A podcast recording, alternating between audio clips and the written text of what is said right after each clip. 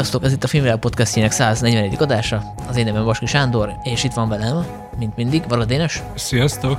És a kanadai emberünk Huber Zoltán. Sziasztok! Mai adásban úgy gondoltuk, hogy hát Halloweenról meg kéne emlékezni egy horrorfilmes különkiadással. Az, hogy november van, az senkit ne zavarjon, nem sikerült időben fölvenni az adást, de szerintem még így is így is hiánypótló ez az adás, mert hasonló még nem volt, de természetesen azért nem térünk el menetrendtől, hiszen folytatjuk a Scorsese sorozatot, ami történetesen a Krisztus utolsó megkísértése, ahol ugye hát szerepel az ördög, spoiler, illetve van egy mini Friedkin sorozatunk, ahol most értünk el az ördögűzőhöz, ami talán a leghíresebb, sőt, biztos a leghíresebb filmje ennek a műfajnak, illetve van egy friss argentin film, ami a témába vág, a When Evil Lurks. Erről szeretnék kérni tőletek egy irodalmi magyar fordítást. A, amikor a gonosz ö, settenkeri Köszönöm nekem, Zoli, neked egy próbálkozás. Az, ez... Én is erre gondoltam, settenkedés, aztán remek szó. Igen, csak az nem túl félelmetes, nem? Igen, meg az amikor, amikor az ördög sertepertél. Igen, de settenkedése túl Igen. félelmetes, nem? Tehát, hogy az, hogy Ólálkodik, amikor az... Amikor az ördög uh, szöszmörög. Na jó, hát ezt lehet, hogy hagyjuk meg a, a hivatalos magyar fordítóknak, hát jutok hozzánk. Ólálkodik, az jó? Ja, az ólálkodik, az jó. Igen, mert abban benne van a, a, a gonosz, a rossz szándék. A settenkedés az lehet ilyen kis ártatlan is, hogy na, miben settenkedsz? Megvan, a somfordáló gonosz. Köszönöm. Én most, én most boldogan el is somfordálok akkor, mert megvan a, a pontos cím. Meg hát ugye a settenkedő az a mi generációknak már örökre összefort Bakács Tibor nevével, szóval igen, igen. Nem, nem, nem, nem túl félelmetes.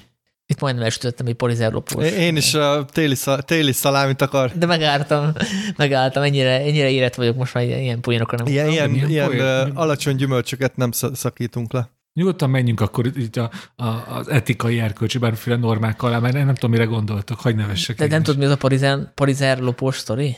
Ja, hát a Bakás Tibor. Ja, akkor, én, akkor én voltam, aki hadart, bocsánat. Az igen, ezt nem, persze, igen, hát szegény Bakás Tibor, de igen, rajta ne humorizáljunk, mert azért ő eléggé megjárta a mélységeket, ugye. Szerintem akkor térjünk vissza egy pillanatra még a előző adásunk egyik témájára, a Reis Gábor új filmjére, a Magyarázat mindenrére. Ugye az első hét után vettük föl, amikor már lehetett látni, hogy jól fog menni, és azóta kiderült, hogy hát a nézői lelkesedés az töretlen, abból a szempontból, hogy már a 60 ezer is meghaladta a nézőszám, és ezt az adást november 7-én veszük fel, úgyhogy mire kijön, addigra valószínűleg még több lesz. És ezt szerintem tegyük rögtön kontextusba is, hogy ez most sok vagy kevés. Hát, hogyha az idei magyar filmeket nézzük, akkor ez mindenképpen sok és tiszteletre méltó eredmény, ez a 60 ezer plusz eladott jegy, mert ezzel az idei év második legnézettebb magyar filmje, csak a Nemzet Aranyai, ugye az, a, a háromszos aranyelmes vízilabdavágatottról szóló dokumentumfilm szerzett ennél több. Hát úgy látszik, a magyarok szeretik a vízilabdás alkotókat, hiszen Reis Gábor is vízilabdás volt. Így, így. Igen, de a magyarázat mindenre abban nincsenek izmos filmesztelen férfiak kisgatyában, tehát... Igen, hát igen, az kellett volna ahhoz, hogy százezer fölé menjen a magyarázat mindenre, és amúgy az idei év minden bizony a legdrágább filmét, a Hadikot, azt például már megelőzte, mert az 55 ezer környékén állt meg a mozikba, és hát ugye, ha csak a költségvetést hasonlítjuk össze, akkor a magyarázat mindenre az töredékéből készült a hadiknak, aztán mégis. Igazából nem csak ezért akartam felhozni, hogy jól teljesít, aminek örülünk szerintem mindannyian, hanem hogy ti mennyire láttátok jönni, hogy ennyire megindul szép magyar szóval a backlash, tehát hogy a legalábbis a mi buborékunkban egyre több ilyen cikk születik, meg egyre több komment és Facebookos hozzászólás arról, hogy hát ez egy budai embernek a filmje budai nézőpontból, és nem reprezentál mindent. Hát nekem az az jutott eszembe egy elsőre, hogy valószínűleg sokaknak nem tűnt föl, hogy például a magyarázat mindenre, mint cím, az irónia akar lenni. A másik meg, hogy önkéntelenül is eljut ez a film olyanokhoz, akikhez, akiknek annyira nem való, mert mondjuk nem szeretik a szerzői filmeket, vagy nem, nem nyitottak rá, illetve hogy nagyon mást várnak tőle, mert hogy mindenkinek van egy elvárás arról, hogy, hogy jön egy közéleti témájú film a mai Magyarországon, akkor az szóljon hozzám is, meg, meg azt a látáspontot mutassa be, ami az enyém. És ilyen elvárásoknak szerintem baromi nehéz megfelelni, miközben a résznek ö, szerintem az lehetett a célja, hogy a saját, a saját nézőpontját mutassa be, ahogy ő látja a saját mikrokörnyezetét. Nyilván közben utaljon is a, a nagyobb dolgokra, amik itt zajlanak az országban, ugye erre van a, a médiaszál is, de hogy én mondjuk a negatívabb hozzászólások ellenére, hogyha Reis Gábor lennék, akkor ennek örülnék, mert hogy tehát, hogy mit kívánhatna egy rendező többet annál, mint hogy diskurálnak a filmjéről és publiciszt, publicisztikák születnek sorra. De ugye ő ezt is mondta a, a Velencei köszönőbeszédben, hogy kezdjünk el beszélgetni, amíg, amíg van miről, meg van kivel, azt hiszem így fogalmazott, úgyhogy én nyilván nem tudom, hogy Reis Gábor mit gondol, de én úgy képzelem, hogy örül annak, hogy, hogy ennyi cikk születik a, meg ennyi hozzászólás, meg ennyi komment. Az én buborékomban olyanok is megnyilatkoznak, akik ö, nem nagyon szoktak, nem csak politikai kérdésben, hanem hogy filmekkel kapcsolatban sem nagyon, ö, és itt láthatóan betalált. Ugye mi amikor beszéltünk róla, akkor én speciál feltettem azt a kérdést, hogy vajon majd sokan nézik ezt a filmet, meg hogy vajon majd ez milyen hatást kelt, és hát ezek szerint tényleg betalált, és számomra nagyon érdekes figyelni a, a film utóéletét, mert az, amit mondasz, hogy, hogy, hogy igen, hogy nagyon sok olyan emberhez ért el, aki már valamiféle elvárással ül be, ezeket az elvárásokat nagyon érdekes figyelni, hogy tényleg sokan már olyasmiket kérnek számon egy filmen, amit egy filmnek nem is lett feladata. Tehát konkrétan, hogy oldja meg a, nem tudom, a elmúlt 150 év magyar politikai megosztottságát, vagy, a, vagy, vagy, vagy egyenesen a turáni átkot. Tehát, hogy így, így nagyon érdekes ezeket figyelni, és szerintem ez egy nagyon egészséges folyamat egyébként, hogy, hogy sokan összeszedik a gondolataikat, és kifejezik és megírják, akár csak egy kommentben. Én, ha rendező lennék, ennél többet nem is akarnék elérni. Egyébként ezeket az elvárásokat mi is megfogalmaztuk a, az adásban, tehát hogy mi az, amit hiányolunk a filmből például, hogy mutassa meg jobban, hogy kik azok, akik mozgatják a szálakat a háttérből, ami szerintem egy, egy jogos, jogos komment, de hogyha most ezeket a rész mind figyelembe vette volna, akkor, akkor tényleg egy ilyen sátántangó méretű film jön, ami teljes keresztmetszetét akarja mutatni a magyar valóságnak, ami ugye nem lehetséges, tehát hogy ezt, ezt el kell fogadni, ez az ő szerzői személyes értelmezése. De ettől függetlenül én is tartom ezt tökéletes filmnek. De ez nagyon fontos, hogy akarva, akaratlanul, ugye azért az ember arról tud a legkönnyebben alkotni, vagy állítást tenni, vagy akár bármilyen művészeti alkotást elkészíteni, amit ő ismer, ami ő a saját világa, és Reis Gábor akarva, akaratlanul, akkor mondjuk így, hogy ennek a budai, budapesti középosztálynak a problémáit vázolta fel, ütköztette, mindezt ugye átfolyatva a saját családi hátterén. Ez nekünk, szerintem fogalmazhatok többes szám első szemébe, ez nekünk ismerős és átélhető, ugyanakkor ezt el kell ismerni, és ez teljesen jogos, hogy sokan viszont azt mondják Magyarországon, hogy de ez, ez nem az ő valóságuk, szerintük ez egy ilyen középosztálybeli fővárosi réteg probléma, és hogyha már a magyar politikai helyzetről, a megosztottságról, vagy arról, hogy miért rossz most itt Magyarországon, nem tudom, élni, érvényesülni, hogy erről akar valaki filmet csinálni, akkor annak másról is kell szólnia. Itt viszont ugye nyugodtan meg lehet azzal védeni Reis Gábort, hogy de hát nem is az ő feladat, hanem akkor jöjjenek mások, akik készítsék el a választ a magyarázat mindenrére, mert szerintem ezt is értettük az első beszélgetésben, hogy ez akkor fogja szerintem ez a film valójában elérni a hatását, ha nem csak ilyen publicisztikai kérdez-felelek, vita jön ki ebből, hanem a filmek is fognak rá válaszolni, hogy Hékás, nem tudom, a, a Miskolci munkásosztály maradékának teljesen más problémái vannak, és arról is valaki csinál egy nagyon erősen politikai szemléletű filmet, ami megmutatja, hogy nem tudom, a Miskolci politikai osztály hogyan ö, hagyta cserbe az ottaniakat. Csak ezek a filmek szép lassan gyűrnek egymásra, és egymásnak, egymásnak válaszolnak. És amit még akartam mondani, ugye mondtad, hogy olyanok is megnézték ezt a filmet, akiknek nem való. Ez szerintem egy kicsit félrevezető, mert azt azért az látszik, hogy legalábbis az interjúkból, az alkotók interjúiból azért az látszik, hogy ezt valójában azért mindenkinek szánták, és az, hogyha ilyen éles kritikák is jelen, megjelennek, ez szerintem azt jelenti, hogy ez a film túljutott ezen a Reis Gábor rajongói köre buborékon, már olyanokhoz is eljutott, akik ezt csak a legvadabb álmaikba gondolták, hogy ez a film el fog jutni. Jó, de ettől függetlenül, aki mondjuk a narratív, meg a nagyon műfaji dolgokat szereti, és nem is fogyaszt mást, annak például a kezdés, az, hogy milyen lassan indul, az ilyen sokkoló, vagy hát provokatív lehet, és ebből születnek olyan vélemények, amiről ugye a filmvilág podcastjének csoportjában is ugye föltettünk egy kommentet, hogy valaki kéri vissza egyet, mert egy baromi unalmas volt az eleje. De egyébként a Saul fia is pont ez volt, hogy kiderült, hogy Oscarra jelölik, illetve megnyerte a Kámban, nem az aranypálmát, hanem a második legfontosabb díjat. Azt mondom, a zsűri nagy díjat. És beült rá hány ember? Hány, szá, hány százer ember? 200-300 ezer. Igen, és nyilvánvaló, hogy ott is ez megismétlődött, hogy vártak az emberek egy, mondjuk egy ilyen Schindler listája típusú befogadhatóbb, populárisabb filmet, és ehelyett kaptak egy, egy ilyen tarkópornót, csúnya szóval. szóval, hogy ez előfordul, és ez nem a részibája, sőt, hát nyilván ennek ő nagyon örül, hogy ennyien, ennyien kíváncsian voltak a filmére. Én ebből a szempontból uh, ilyen ultra zé vagyok, szerintem uh, nagyon jó kitenni az embereket olyan élményeknek, amikre nem számítanak, és az is jó, hogyha felhúzzák magukat rajta.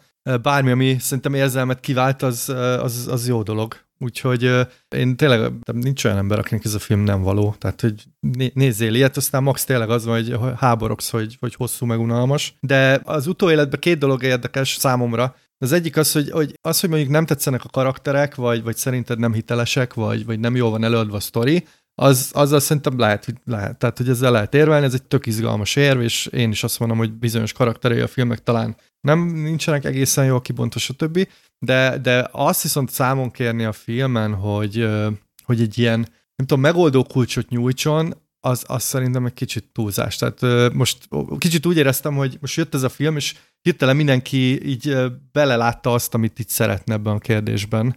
Úgy értem, hogy, hogy amit mondtál, Jens, hogy, hogy ez egy hosszú párbeszéd, aminek csomó filmnek kéne készülni, amik más szempontokat hoznak be, sokat kéne erről beszélgetni. Egy filmen számon kérni azt, hogy nem csak ez, hogy az egész magyar társadalmat mutassa be, ez nyilván irreális, de, de azt, hogy, az, hogy valamilyen nagy, nem tudom, ilyen komplex és teljes minden oldalról rendben lévő nagy állapot rajzot mutasson, az, az, az, az csak azt mutatja, hogy tényleg van igény ezekre a filmekre, és én nagyon remélem, hogy, hogy készülnek még ilyen, ilyen filmek. Hát, ha ez a nézőszám egy kicsit megdobja itt a lelkesedést. Akkor mondok egy, egy konkrét és visszatérő kritikát, hogy ezt már több írásban, interjúban is hallottam, hogy, hogy oké, okay, ez egy végletesen megosztott társadalom, de pont azok hiányoznak a filmből, akik ezt a megosztottságot okozzák, pontosabban előhívják a saját politikai érdekeik mögött. Ugye most itt a politikai vezetőosztályról gondolok, hogy ez teljességgel hiányzik a filmből, és csak az, ezeknek az áldozatét, a következményét látjuk. Valójában az, az okot forrás nem. Ez, ez így van. De hát erről beszéltünk adásban. És most mondom, hogy, hogy, hogy ez tök jó, hogy akkor csak mondom, hogy én nagyon várok akkor erről egy filmet, hogy hajrá, lebentsük fel a fájtlata a mai magyar politikai vezetőosztályról.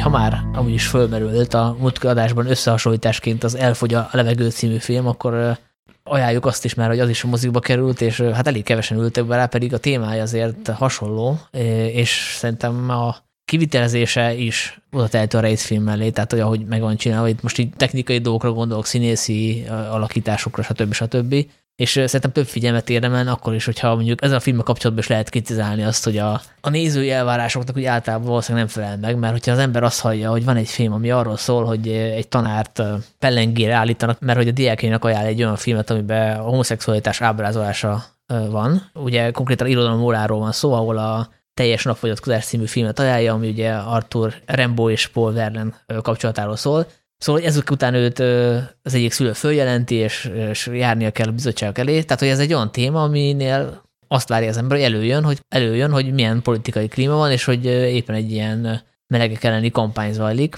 De most ez nem derül ki, mert hogy ez a történet még korábban játszódott, és ráadásul, ahogy nézem, ez...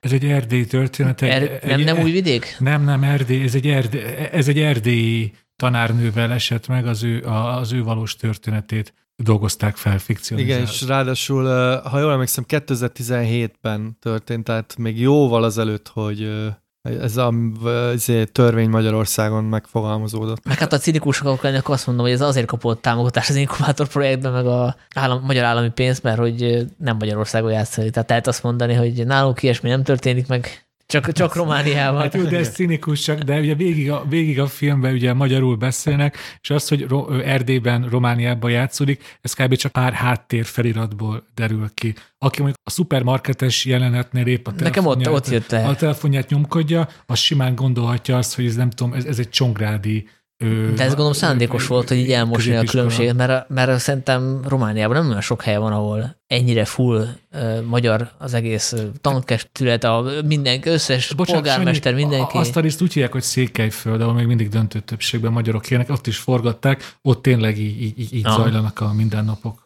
Ez Kovászna, a Hargita megye. Szóval én, én csináltam egy interjút az alkotókkal, mert ugye ez a film ezt Torontóban mutatták be, itt volt a világpremiér, és én kérdeztem, hogy, hogy miért, miért Erdély, mert ugye tényleg nem játszik szerepet a filmben, tehát teljesen játszódhatna Csongrádba.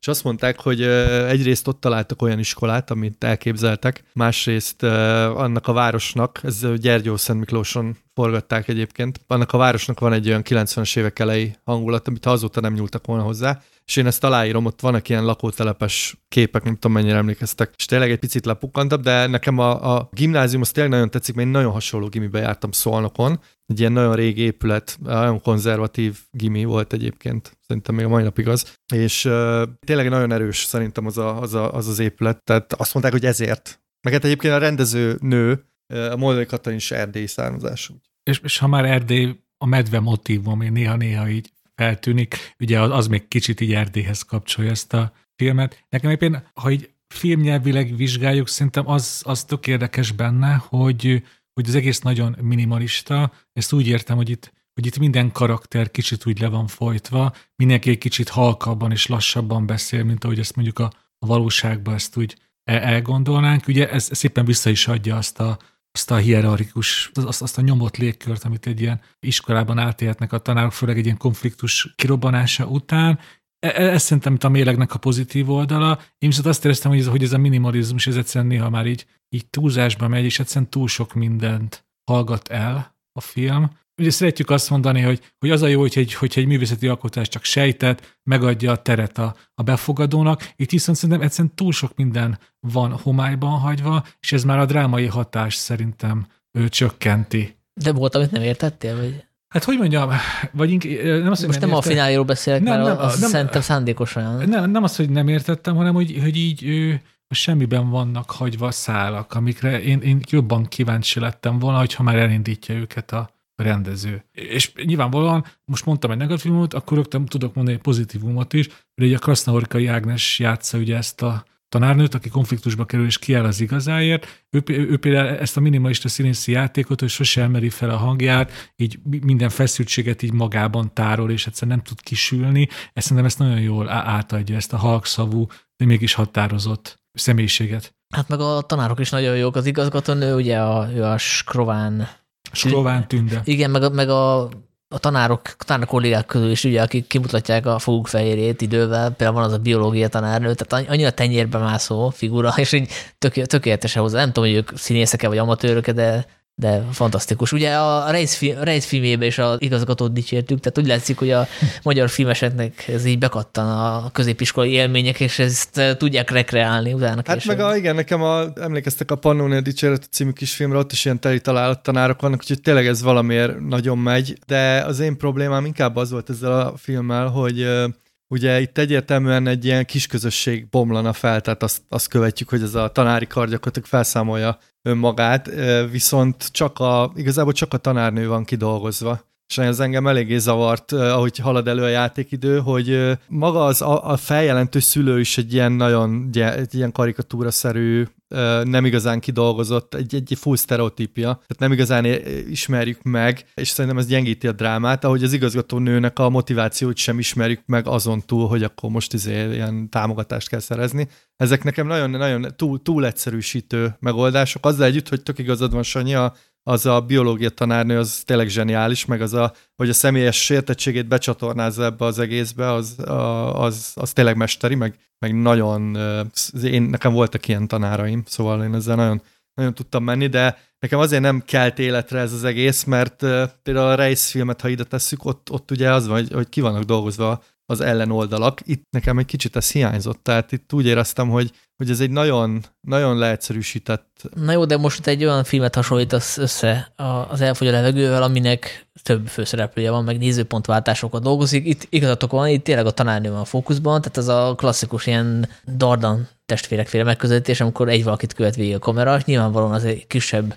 rövidebb, hosszabb időre bejönnek más figurák is, de tényleg ráfókuszálunk. Én nekem hihető volt, hogy milyen motivációja, tehát itt van egy ilyen provinciálisabb közegben, de közben meg irodalmat tanít, picit ilyen más szinten van talán, mint a kicsit a földhöz ragadtabb tanártársai, neki vannak még ideáljai, és ezért harcolni is kész, de nem ilyen forradalmárként, aki, aki fogja és viszi az ászót, ő akkor áll bele ebbe a küzdelembe, amikor ugye belekényszerítik egy olyan döntésbe, ami nem a sajátja. Tehát, hogy konkrétan azt mondják neki, hogy nyeld le, hogy most kapsz egy fegyelmit, és hagyd a fenébe, és ő meg nem hajlandó, és nekem ez így teljesen meggyőző volt. Ha már kritizálni kéne valamit, akkor inkább a gyerekeket. Tehát, hogy én ezt nem tudom elképzelni, hogy egy Z generációból álló társaság az ennyire némán tűrje, hogy mi történik a kedvenc tanárukkal. Tehát nekem ez volt olyan fura, de azt is el tudom képzelni, hogy ott Székelyföldön ott konzervatívabbak a fiatalok, mint, mint nálunk, de hogy akár csak, nem, nem csak Budapesten, de akár csak egy, egy kis településen Magyarországon szerintem ennél sokkal karakánabbul álltak volna a diákok. Én, én inkább úgy állnám ezt a, ezt a kritikát, most akkor megfogalmazom az, az enyémet, hogy, hogy, hogy legalább annyi jót adott ez a, mini, ez a nagyon szigorú minimalista stílus a filmhez, mint amennyit elvett tőle.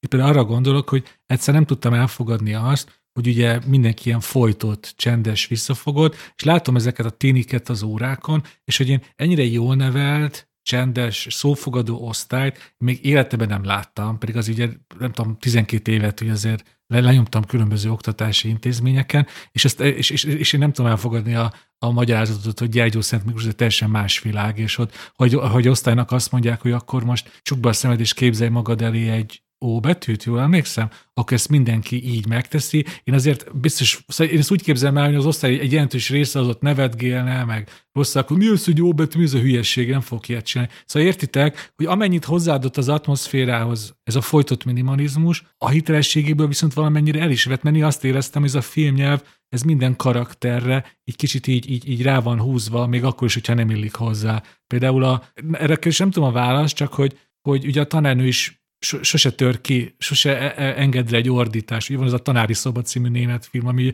az egész reklámkampány akkor érül, hogy ez a, hogy ez a német tanár is ugye konfliktusba kerül, egy nagy ordítást kiereszt az osztályával, hogy, hogy ez nekem nagyon, nagyon érdekes kérdés, és erre tényleg nem tudom válaszolni, hogy, hogy vajon így jobb film lett volna, hogyha van benne egy ilyen drámai váltás, amikor az a tanárnő egyszer nem bírja tovább, és ami sokkal egyszerűen csak hangosabb lesz, aktívabb lesz, így kitör belőle? Hát szerintem nem, mert ugye az a film cím, hogy elfogy a levegő, és ugye meg is említő. Tehát, hogy tényleg itt az van, hogy, hogy ez a folytottság, szerintem ennek a filmnek a, ez a folytottság egy ilyen nagyon erős központi motivuma. Tehát tényleg az van, hogy érted? És hogyha itt írtán valaki így elkezd ordibálni, akkor nem tudom, az, az egy kicsit fura lett volna. Hát jó, csak te érted, van ez az állapot, amikor valakit, hogyha most maradunk ennél az analógiánál, hogy, hogy valakit addig folytogatnak, addig elnyomnak, hogy egyszerűen már nem bírja tovább, és a saját személyisége ellen is lép, és hirtelen csak így, így utolsó, nem tudom, erejével így elkezd kiabálni, és akkor Hát vissza. jó, de figyelj, ez, szerintem so, ez, ez, ez, egy nagyon valós forgatókönyv, hogy így gyűlik benned ez a sok szar, és így lefolytod, és igazából ja, nem, nem ordítasz soha. De csak arra, arra gondolok, de én nem csak, hogy a, tehát ugye az egész épület, az, e, az egész ahogy meg van csinálva ez a film, filmnyelvileg is, ezt, a, ezt az állapotot. És egyébként, ha most az előbb itt kritizáltam, meg tudnám még kritizálni, mert a végével azért komoly bajaim vannak, de amiben ez a film nagyon-nagyon jó, és amiért én egyébként bírtam minden kritikámmal együtt, hogy pont ezt a, ezt a nagyon erős atmoszférát szerintem jól megragadja. Mondtam, hogy a suli is tetszett, de, de az egész filmnek van egy ilyen vizuálisan is érdekes, meg, meg ez, ez, ez a folytottsága. Ez, szerintem ez nagyon jól átjön, és ez egy izgalmas dolog. Hogy és igen. nagyon fontos, hogy ez részemről tényleg egy kérdés, és nem kritika, mert, mert megértem a rendezői koncepciót, hogy egyszerűen ez így nem fért bele csak azért érdekes kísérletezni ilyenekkel, és valóban, hogyha viszont a vége, az viszont nekem is hát így könnyedén kritizálható, és akkor nem spoilerezek, mert nyilván most indult ez a mozikba ez a film, és, és szerintem mindenki érdemes megnézni egy, egy, egy ígéretes rendezői bemutatkozás, és tényleg érzi ezt a minimalista filmnyelvet. Hát meg úgy is néz ki, mint egy film, tehát hát, hogyha ez ja, úgy megyek be, hogy nem tudom magyar film, és mondjuk nem magyarul beszélnek benne, akkor azt, azt gondolom, hogy ez egy román új hullámos cucc, vagy csak, egy... Csak az is ott van, ugye csak a végére visszatérve, hogy viszont ezt a filmet szerintem így, így nem tudták rendesen lezárni, és én többször is éreztem, hogy hopp, most ez lesz a vége, és aztán egy kattan egyet, mint hogy egyik sínről átugran a másikra, még egy kicsit hozzátesz. Én a végénél egy ilyen kis bizonytalanságot és akadozást éreztem. Az első film, ugye? Első nagyjátékfilm, igen. Hát annak szerintem kiváló hibái ellenére is, ugye? Igen, és tényleg, tényleg mindenki, szerintem is mindenki nézze meg, akit érdekel ez a téma, mert, mert ez a film, az a különösebb a film, hogy, hogy nagyon aktuális lett, akaratlanul, és valószínűleg még aktuálisabb lesz. Hát meg azért is nézzétek meg, mert ilyen filmek nem fognak készülni mostanában. Mármint így állami pénzből. És csak, hogy mennyire aktuális ez a film, egy hogy, hogy úgy foglalom össze a tartalmát, hogy, hogy van egy tehetséges, a diákjai által szeretett tanárnő, akinek egy idő után egyszerűen nincs maradása a munkahelyen. Ugye ez ma Magyarországon ugye egy mindennapos ugye történet a, a sztrájkok, a tüntetések és a tömeges felmondások miatt, és hogy és mennyire valós ez az egész, hogy én a Tanítanék filmnapok vetítésén néztem meg, és utána volt egy gyors beszélgetés, ugye Törlei Katalin tanárnővel és Gulyás Márton hát őt nem kell bemutatni, Gulyás Mártonnal. Ugye Tőlei Katalint, ugye őt tavaly rúgták ki a Kölcsei Ferenc gimnáziumból, és ugye megkapta a kötelező kérdést, hogy, hogy vajon ő hasonló dologból bármikor bajba került, hogy olyat ajánlott, amit nem kellett volna, és ő azt mondta, hogy ő konkrétan ezt a filmet, a teljes napfogyatkozást ajánlotta a Covid alatt, ugye a francia civilizáció volt a téma, hogy egy francia szakos, több francia szakos osztály is indul a, a költségben, és mondta, hogy neki eszébe nem jutott, hogy ebből bármilyen probléma lenne. Hát most 2023-ban a tanárok Magyarországon sokkal jobban is meggondolják, hogy milyen filmeket ajánlanak és mit ne, és ez egy nagyon szomorú dolog szerintem. Úgyhogy mindenki menjen moziba szomorkodni. Ez volt a filmajánlom. Igen. Nekem ugye a régi álmom ez az ördögös adás, ami most így nagyjából megvalósul, és azért a cseten sok-sok ilyen, hívjuk leegyszerűsítve ördögös film szóba került, hogy akkor miről beszéljünk, miről ne, és ebből most annyi maradt meg, hogy egy gyors körkérdést hagyd tegyek föl nektek, hogy ugye azért az egyetemes filmművészettel van izgalmasabbnál izgalmasabb ördög reprezentációkkal. Ugye azt szerintem a legérdekfeszítőbb, hogy ahogy azt látjuk a művészet történetben is, hogy ez az ördög az messze nem csak egy ilyen vörösfejű potás, nem tudom, ilyen, ilyen szörny, hanem ennek nagyon-nagyon-nagyon sokrétű ábrázolása volt, hogy amúgy a filmnél maradunk, nektek van még valami izgalmas ördög reprezentációtok, ami belétek éget? Hát természetesen Ruiz Cypher, azaz Lucifer, az Angyal Szív című filmből, ahol olyan finoman jejtik el a, ezeket a szimbólumokat, hogy például a Mickey Rourke által alakított főst Angelnek hívják, Harry Angel. és hát szerintem, aki látja ezt a filmet, az soha nem felejti el a, a Denirót, ahogy a hosszú körmeivel hámozza a tojást, tehát nekem mindig eszembe jut, amikor tojást teszem az jelenet.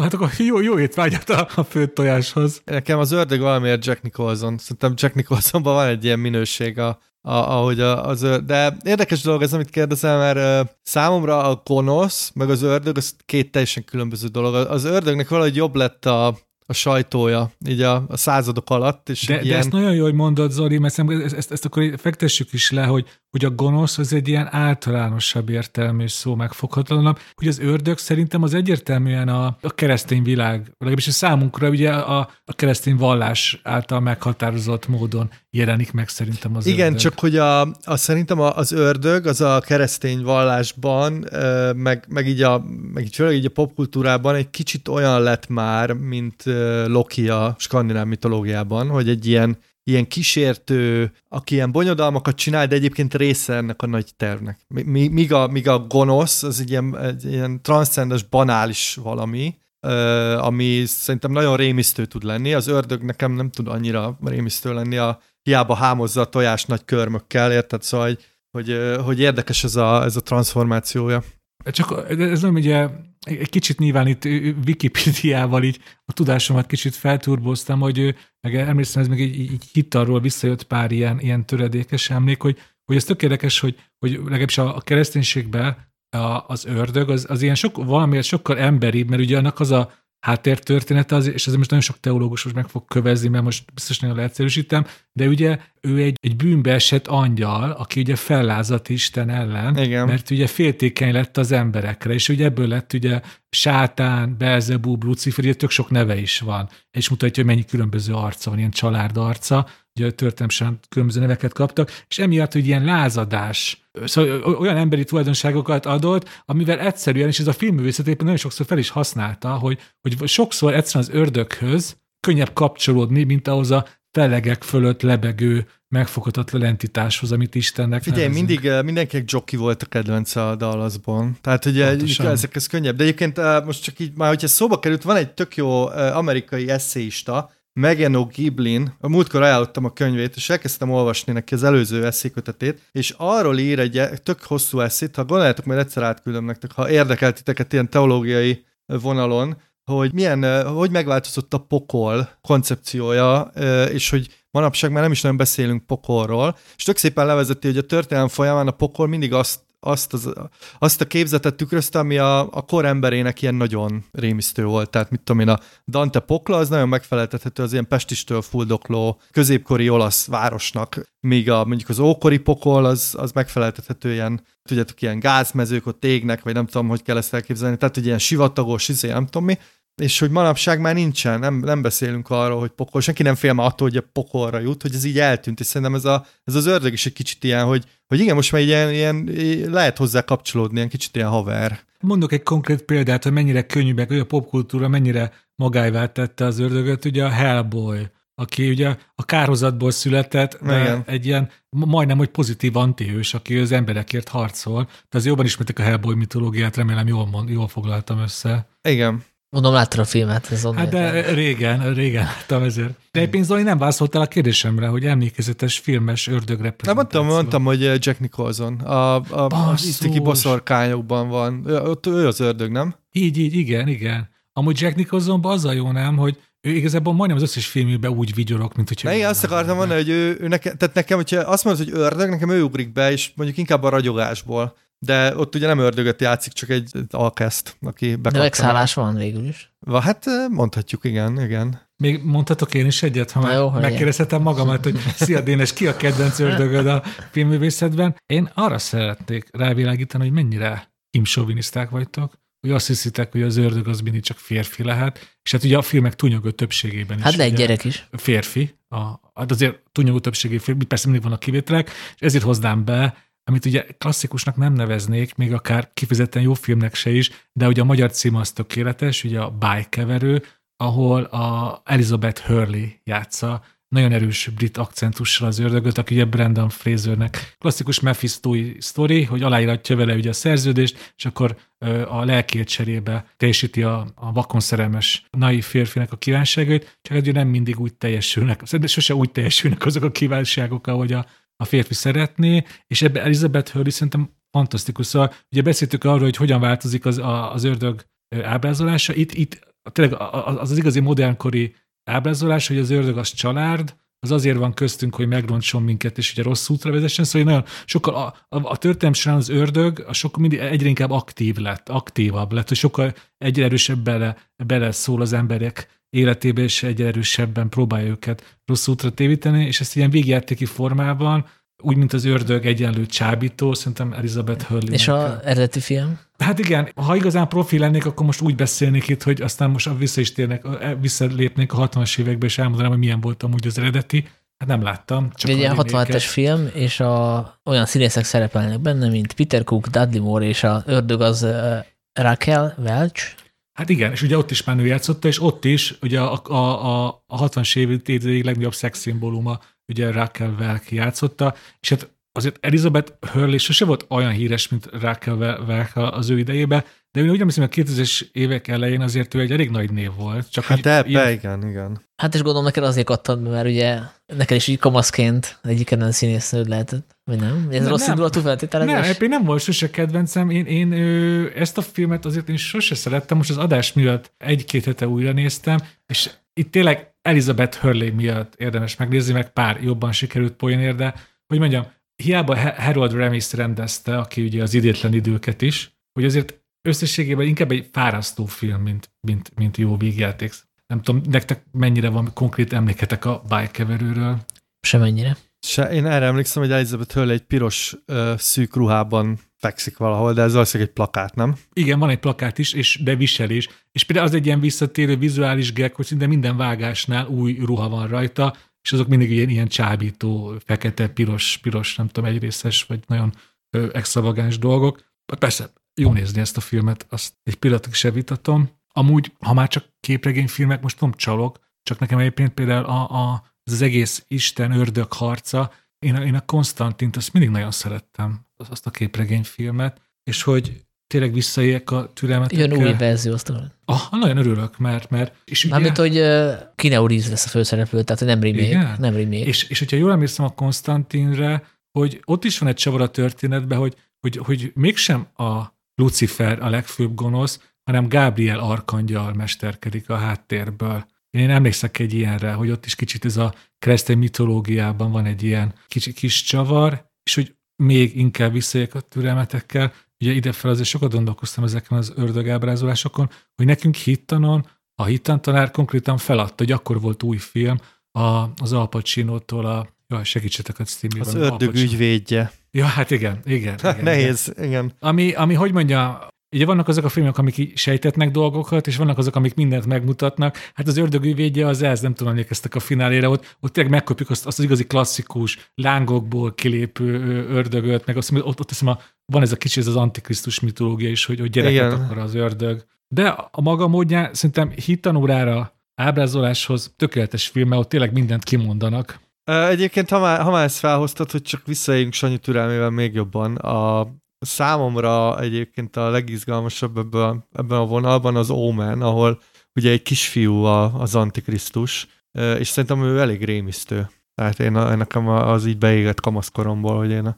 így mindig van a gyerekekben egy ilyen rémisztő, hogyha így csak így állnak és néznek rád. Nehogy azt így bárki is, hogy most én egy ilyen gyerekgyűlölő ember vagyok, csak hogy ennek azért van egy ilyen valóság alap, amit nyilván nagyon eltúl az a, az Oma, meg a, a többi ilyen gyerekes horror, hogy ugye sokszor egy gyerek így, így nem tudja, hogy mi a jó, vagy mi a rossz, nem? Csak így, így, így így a saját, így, így évezettel gonoszkodik. Persze, meg ugye van egy ilyen alapszülői trauma, hogy uh, ugye próbáld a gyereket nevelni, de nem tudod, hogy mi jár a fejében, és hogy mit csinál, és uh, Ugye meg van egy ilyen generációs szakadék, ezért nem véletlenül ezek a filmek mindig ilyen krízis időkben népszerűbbek, ugye amikor a, a, az új generáció hirtelen szakít az előző generáció értékrendjével, és ez nagyon élesen kijön, de arról majd beszélhetünk a Ja, Csillag, ez a Van Evil Lurks című film, elő fog kerülni ez a, ez a beszélgetés, amit a Zoli mond. Csak hagyd kérdezzek már vissza, akkor most egy kis magánéleti szál, Zoli, hogy a kislányod Lúzában már voltak ilyen ilyen... Az, ilyen látom ebben az antikrisztus. Hát nem így akartam megfogalmazni. Óvatosabban kérdezem, hogy vannak ilyen gonosz periódusai, amikor nem tudom, azt érzed rajta, hogy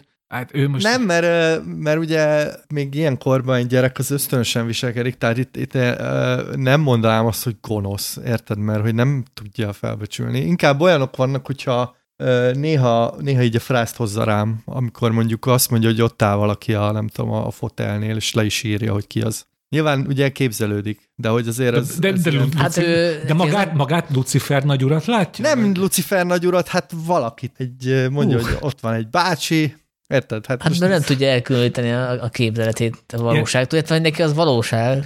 Igen, hát neki összefolyik a képzetnek a valóság, tehát ő készpénznek veszi, hogy vannak lila elefántok, mert lila elefántokat valamiért szereti, és uh, akkor mondja, hogy egy lila elefánttal beszélgetett. Szóval most nyilván tudom, hogy nem vizionált, érted, de, de hogy ezek néha azért, néha azért ilyen azért creepy. Most lebuktál, Zoli, mert a lila elefántot szerintem a, van az a, az a belga sör, a Delirium Tremens. Azzal itatod? Az elég erős.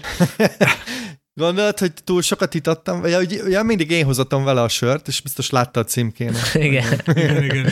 Egyébként vannak ilyen filmek, amik ezzel játszanak el, ugye a horrorokon kívül is, hogy a, van a kontrolláltatlan gyerek, és a szülő nem tudja egyszerűen igen. csinálni vele. Ugye van az egyszerű megoldás, amikor vissza lehet vezetni traumákra, hát és akkor azért ilyen volt az elmúlt években a kontroll nélkül, 2019-es film, illetve én a Pelican Blood Pelikán vér című, szintén 2019-es filmet akartam hozni itt példaként, ha már fogunk ördögüzésről beszélni, az egy német film, német-bulgár koprodukció, jól nézem, ami azért nagyon izgalmas, egyébként Nina Hossa főszereplője. Akkor csak jó film lehet. Akkor ez már jó film. Hogy nagyon kétségbe adja a nézőt, hogy itt most igazából tényleg megszállta egy gyereket az ördög, vagy, vagy tényleg csak ilyen antiszociális viselkedése van. Itt a horrort azt még növeli, hogy nem a saját gyerekéről van szó, hanem örökbe fogad egy öt éves gyereket. Azt hiszem, hogy Bulgáriából talán, azért, azért bolgár koprodukció, és, és a nagyon furán kezd el viselkedni, és a végén van egy, egyfajta ilyen szertartás, ami hasonlít az ördögüzésre, de,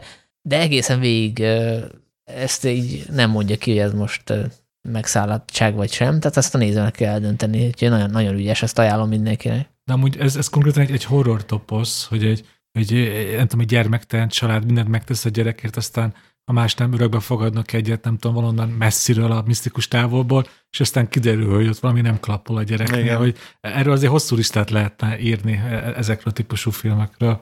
Igen, hát most volt a Netflixnek egy sorozata, egy dokusorozata, amit lehet, hogy ajánlottam is az adásba. Az ukrán a, törpe? Az ukrán törpés, igen, igen, hogy ott is uh, voltak ilyen felvételek, ahol uh, teljesen ilyen bekattam uh, viselkedik, aztán arról kiderült, hogy ezt valószínűleg a a családapa hamisította, vagy hát ő ezért ráerősített, mert ő azzal a narratívával akart megszabadulni a gyerektől, hogy ez, ez teljesen kattant, és hogy nyilvánvalóan épített azokra a hiedelmekre, amik benne vannak az emberekbe a, a horrorfilmeknek köszönhetően, és így, így akart elérni, hogy pszichiátriába dughass a gyereket, hogy ne kelljen többet Hát egyébként nem tudom, emlékeztek el, nekem a kedvenc esetem az a legendás napló videó Ferikéről. Az nem tudom, megvan? Emlékeztek Exercise book. Az exercise book és hogy mondják, hogy kap egy mountain bike-ot, aki űzi a patás embert. Szóval hogy ez tényleg egy ilyen, ilyen elképesztően erős, erősen él a, ez a toposz az, az emberekben, ez a, ez a de, de például szerintem most kb. elérkeztél az adásunk egyik alapkérdéséhez, hogy, hogy mi volt előbb a, a tyúk vagy a tojás, hogy azért készül sok ilyen ördögös film, ez eleve ott van ez a félelem az emberekbe, vagy ezek a horrorfilmek felősítették, és onnan kezdődik. Ugye mondtad, hogy ez, ezekre a hiedelmekre appellálnak, amiket a horrorfilmek így elhoztak, de szerintem, ez, ez, ez, szerintem a horrorfilmek ezek sokkal ősibb dolgok. Az, hogy, hát hogy minket rossz szellemek, hogy minket rossz szellemek megszállnak, hogy, hogy valami átveszi a testünk felett az irányítás, ami egy ilyen megmagyarázhatatlan és gonosz. Ezek nagyon ősi dolgok. Na jó, csak ahogy jött a civilizáció, meg az emberek a városokban kezdtek élni, meg egyre jobb a háttérbe szorultak ezek az ősi jedelmek, ezek így elfelejtődtek szerintem, és aztán a kollektív tudatalattiból a, a regények, és aztán a filmek ezt újra előhozták. Tehát, hogy nyilvánvalóan nem a Fritkinek az ördögüzője találta ki, meg nem a, az író, a William Peter, Peter Blatty. Tehát, hogy nem ő találta ki ezt az egészet, hanem ő valamit uh, remixelt, tehát, hogy ezt restartolt egy ilyen létező uh, ilyen kollektív félelmet. És hát ugye annyira sikeres lett, hogy ez a 70-es egyik legnagyobb blockbuster lett. Ez is mutatja, hogy, hogy mennyire primár és mennyire ilyen közösségi félelemről van szó. Igen, de azért nem véletlen, hogy a, mikor lett sikeres. Majd erről beszéltünk egy kicsit, hogyha akartok. Ja, ja tényleg mi most már áttértünk az ördögőzőre? Hát, hogyha nincs más, a... akkor térjünk át szerintem. Hát uh, itt a Lucifer itt oda terelt minket uh, ilyen láthatatlanul, mert uh, nyilván, a, hogyha azt mondta, hogy megszállott gyerek, akkor uh, azért megkerülhetetlen a a Fritkin filmje. Jó, hát akkor ne is kerüljük meg, hanem foglalkozunk ezzel. Aki esetleg most csatlakozott be a Fritkin sorozatba, ugye annyit kell tudni, hogy William Fritkin sajnálatos módon augusztusban elhunyt, és úgy döntöttünk, hogy egy minisorozatban átveszük a fontosabb filmét. Szó volt már a Portjánról, a francia kapcsolatról. A Sorcererről. Igen, aminek a magyar címe a Félelmára és hát az ördögüző nyilván kihagyhatatlan. Ezt az ördögüzőnek a legújabb részéhez időzítettük, majd lehet, hogy arról is fogunk pár mondatot ejteni, mert hogy Zoli meg én láttuk, Dénes nem. És hát azért is aktuális nem csak ugye a legújabb ördögöző film miatt, és Fritkin sántos halála miatt, hanem hát ugye egy 50 éves filmről van szó, és az egyik számomra például nagyon-nagyon ironikus, és ez is hát Fritkinek az ördögi zsenéjét mutatja, hogy, hogy ezt a filmet amúgy karácsonykor mutatták be, karácsony másnapján, 26-án Amerikában. Igen. Ami szerintem egy, egy fantasztikus marketing húzás szerintem. Igen, és hát ez az a film, amiről tényleg el lehet mondani, hogy saját uh, műfajt teremtett, tehát uh, nem tudom, hogy van-e még olyan film, aminek ekkora uh, hatása lett volna egy uh, saját szubzsánerre, meg ennyi uh, utánzást ennyi koppintást szült volna, mert tényleg ezt követően szakmányba jöttek a hasonló ördögüzös filmeken, meg hát ugye látjuk, hogy most is évente két-három ilyen film a mozikba kerül, tehát ez, ez a műfaj még él és virul, és olyan dolgok vannak ebben a filmben, amik ma már klisék meg közhelyek, de hát akkor az teljesen újdonságként hatott a nézőkre, és ugye ebből is fakad az, hogy eléggé hisztérikus reakciók voltak, hogyha lehet hinni ezeknek a beszámolóknak, amik szerintem azért némileg el is vannak túlhozva, tehát erről a Dénes írt a filmvilágban egy ilyen összefoglaló cikket, és szerintem utal azért nehéz kibogozni, hogy ebből mi az, ami, ami tényleg megtörtént, meg mi az, amit mondjuk a mozi tulajdonosok nyilatkozgattak a sajtónak, hogy még jobban az érdeklődést felpumpálják, mert egyébként most is lehet hallani, amikor bemutatnak egy-egy ilyen merészebb filmet valamelyik fesztiválon, hogy hú, hányan ájultak el, meg nem tudom mi, és utána arról is általában kiszokott derülni, hogy esetleg volt egy ember, akinek amúgy magas a vérnyomása, elájult, és akkor ebből egy olyan híret, ami lejárta teljesen a sajtót. Most el tudom képzelni, az ördög esetében sokkal intenzívebb volt, de azt is, hogy egy picit azért rápakoltak marketing célokból. Hát persze, de, de az alaptörténet, hogy, volt hányás, rosszul lét az ördögüző vetítésein, azért ez tény.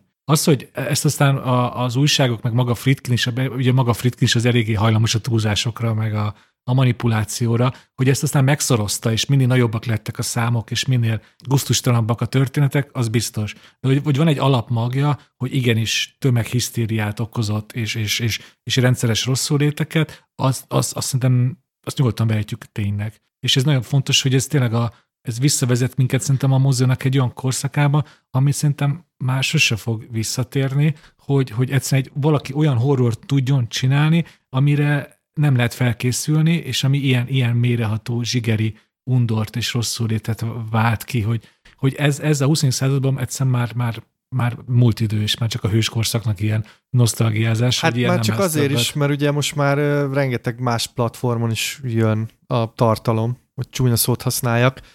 Nehéz elképzelni ma, hogy, hogy mindenki egy adott filmmel foglalkozzon. Tehát itt ugye beszéltünk az elején a Rice filmről, azért ezt meg kell szorozni, nem tudom, tízezerrel, hogy így közelébe juthassunk annak, ami, ami akkor mehetett ezzel a filmmel kapcsolatban, ugye meg, meg hát kígyózó sorok, meg hasonlók, tehát azért ez... Csak hogy tényleg, hogy, hogy, hogy ez a hisztéria mekkora nagy volt, perjel milyen nagy meséket kerített köré a, a sajtó, hogy, hogy olyan történet is volt, hogy valaki konkrétan elvetélt a film közben. A kedvencem az, hogy, és ez simán lehet, hogy meg is történt, mert azért ilyen más példát is tudunk, hogy, hogy egy évek később egy, egy gyilkos konkrétan az ördögűzőre hivatkozott, hogy megszállta hogy a, a film hatására valami, és annak a démonnak hatására gyilkolt. És azért tudjuk, hogy ez azért más kontextusban is már volt ilyen indítékgyilkosnál. Ez, ez szerintem, főleg ismerve Fritkin személyiségét, szerintem, hogy az egóját ez így balzsamozta, hogy, hogy, egy ekkora hisztériát tudott előidézni, és ezt imádta minden percét, és hozzá is adott, mint kiderült, ugye magáról, ő például magáról a forgatásról terjesztett, hát hogy mondjam, nem százszerzalékig valóságtartalmú sztorikat. Egyébként ez biztos? Tehát erre vannak források, hogy ezeket ő terjesztette? Hát ilyen interjú részletek. Hát azért, azért kérdezem, mert én most meghallgattam az audio kommentárt, amit a DVD vagy Blu-ray kiadáshoz rögzített, és akkor elmondja, hogy, hogy hát nagyon sok legenda vesz ezt a filmet, de ezek többsége, sőt, valószínűleg egyik se igaz Miközben ő maga terjesztette szerint, tehát hogy az hát ironikus. Na, na, nagyon fontos, hogy ugye ezt a, azt a DVD extrát ugye Fritkin a 90-es évek végén, 2000-es években vette föl, és van ez a teljesen másik Fritkin, aki 73 végén, 74 elején ugye a, a világ legnagyobb rendezője akar lenni. Én attól a Fritkintől simán elhiszem, hogy, hogy azért költött pár mesét, de bizonyítani nem tudom, mert nyilván nekem most akkor el kéne mennem, nem tudom, a kongresszusi könyvtárba is fellapozni a, a San Francisco Chronicle-től a a, a Houston Sztárig mindenféle újságot. Hát várjuk a Patreon az adományokat, a Dénes kimelső. Jó, de hát ez, ez szerintem ezzel semmi baj nincs. Hát Hitchcock is ugyanezt csinálta, meg, meg nem, nem tudom mondani nektek valamit, William Castle neve, hát ő konkrétan ebből élt, hogy, hogy kitalált ilyen el, elképesztő bizéket a, a filmjei köré. Tehát ebben szerintem semmi, semmi extra nincs, hogy, hogy valaki megpróbálja eladni a, a filmét, és akkor ilyen, ilyen biztos, hogy volt valóság magja, tehát most nyilván, ha azt mondod, hogy meghalt izé Max von Sidónak a bátyja, akkor valószínűleg meghalt a bátyja, de, de az, már egy, az már egy másik izé, hogy azért halt meg, mert ő egyébként éppen a ördögűzőt játszott. Hát meg egy másik színész is meghalt ugye a felvétel után két héttel. Aki, nyilván a, ilyen... aki a rendezőt játszotta, akit ugye a démon megöl, és akkor nyilvánvalóan rögtön ráugrik a sajtó, hogy hú-hú, átokövezi az ördögűző forgatását. Hát ilyen napon akkor a de- deltát is, a Modrusov deltát is átokövezte. A román démon. Pedig hát ezek nyilván megtörténnek máskor is, csak nem vesszük észre, meg hát nem is a nagy ügy, hogy most van egy több száz fős táv, hát abból lehet, hogy valakinek meg fog halni a bátyja. És, és nyilván 50 év nagy idő, nagyon sok minden változott a marketingben, de szerintem, hogyha, hogyha valaki el akar adni egy filmet, szerintem, szerintem a mai napig érdemes szerintem így tanulmányoznia azt, hogy az ördögözőt hogyan csinálták, hogyan tették ekkora mega sikerré, és így, csak egy megjegyzés, már egyikőtök már mondta is, hogy ugye hogy így magát gerjesztette az ördögűző, mert ugye már az első napokban is hosszú sorok álltak a mozik előtt. Azt viszont sokszor nem teszik hozzá, hogy, hogy de az legelején miért, miért álltak rögtön hosszú sorok? Mert ugye ez egy limitált bemutató volt december 26-án, az egész országban összesen 24 mozi kezdte el vetíteni az ördögűzőt, így azért sokkal könnyebb összehozni a hosszú sorokat, és akkor az egész rögtön kapott egy ilyen, hogy ilyen esemény számba menő lett, hogy ez egy ilyen tiltott gyümölcs, ami nehezen elérhető, és akkor rögtön mentek rá, és a Warner ugye a stúdió nézte a számokat, és szép lassan nyitotta fel, és ugye rakta be több-több mozikba. Ez is a végtelen profizmus. Ez végig ott volt egyébként az ördögűző mellett. Igen, egyébként ez egy klasszikus trükk a, a sorcsinálás, azt itt Kanadában például rend imádják, tehát hogy nem engednek be azért, hogy sor gyűjjön fel, és akkor azért, de csak a, tényleg a, ez a marketing, ez annyira jó, hogy azért ezt még a mai napig megpróbálják előni. Tehát, hogy szoktak... Hát, tehát ez a moziletnek a technik, technikáit, ha nálunk.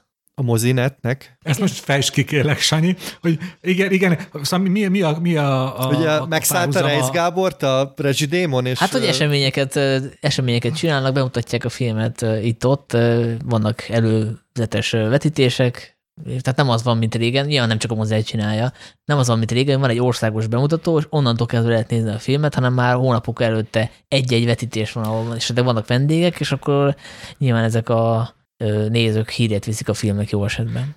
Hát jó esetben, mert most legutóbbi az Elfogy a levegő premier előtti exkluzív vetítésen voltam, hogy még beszélgetés is volt. Hát azért nem álltak sorok a vetítés előtt, és nem is lett akkora a siker a film. Szóval hát nem volt benne szóval, ördögűzés. Szóval ez, ez, meg, és, és, igen, ez nagyon fontos, hogy most mi végig a, a film körítéséről beszélünk, de azért sose szabad elfelejteni, hogy itt magának, a filmnek is azért jónak kell lennie, hogy ezek a trükkök beváljanak. Hát az első héten még nem, akkor elég a hát, okay, hírverés, de, de, mert ugye hónapokon keresztül de cikkeztek okay, erről a filmről. Persze, meg akik ott, ott tettek a hosszú sorokba, és aztán úgy jöttek ki a moziból, hogy úristen, a szomszédom hányt, én is hosszú lettem, hazamegy, elmondja a szomszédnak, a szomszéd megy ördögűzőt nézni, ez ugye így, így történt konkrétan az ördögűzővel, meg az újságban is olvasták, hogy, hogy ezek is ezek hánytak rajta, meg hogy így még sose féltél. Csak ez kell maga a film, hogy tényleg kiváltsa ezt a zsigeri félelmet. És... Hát meg a Lettinek a regényes bestseller volt, ugye? Ja, igen, ez se jött a semmiből, igen. Igen. igen, csak és ez is egy tök érdekes kérdés, ezt is érintettük, hogy akkor most ugye a horrorfilmek gerjesztik ezt a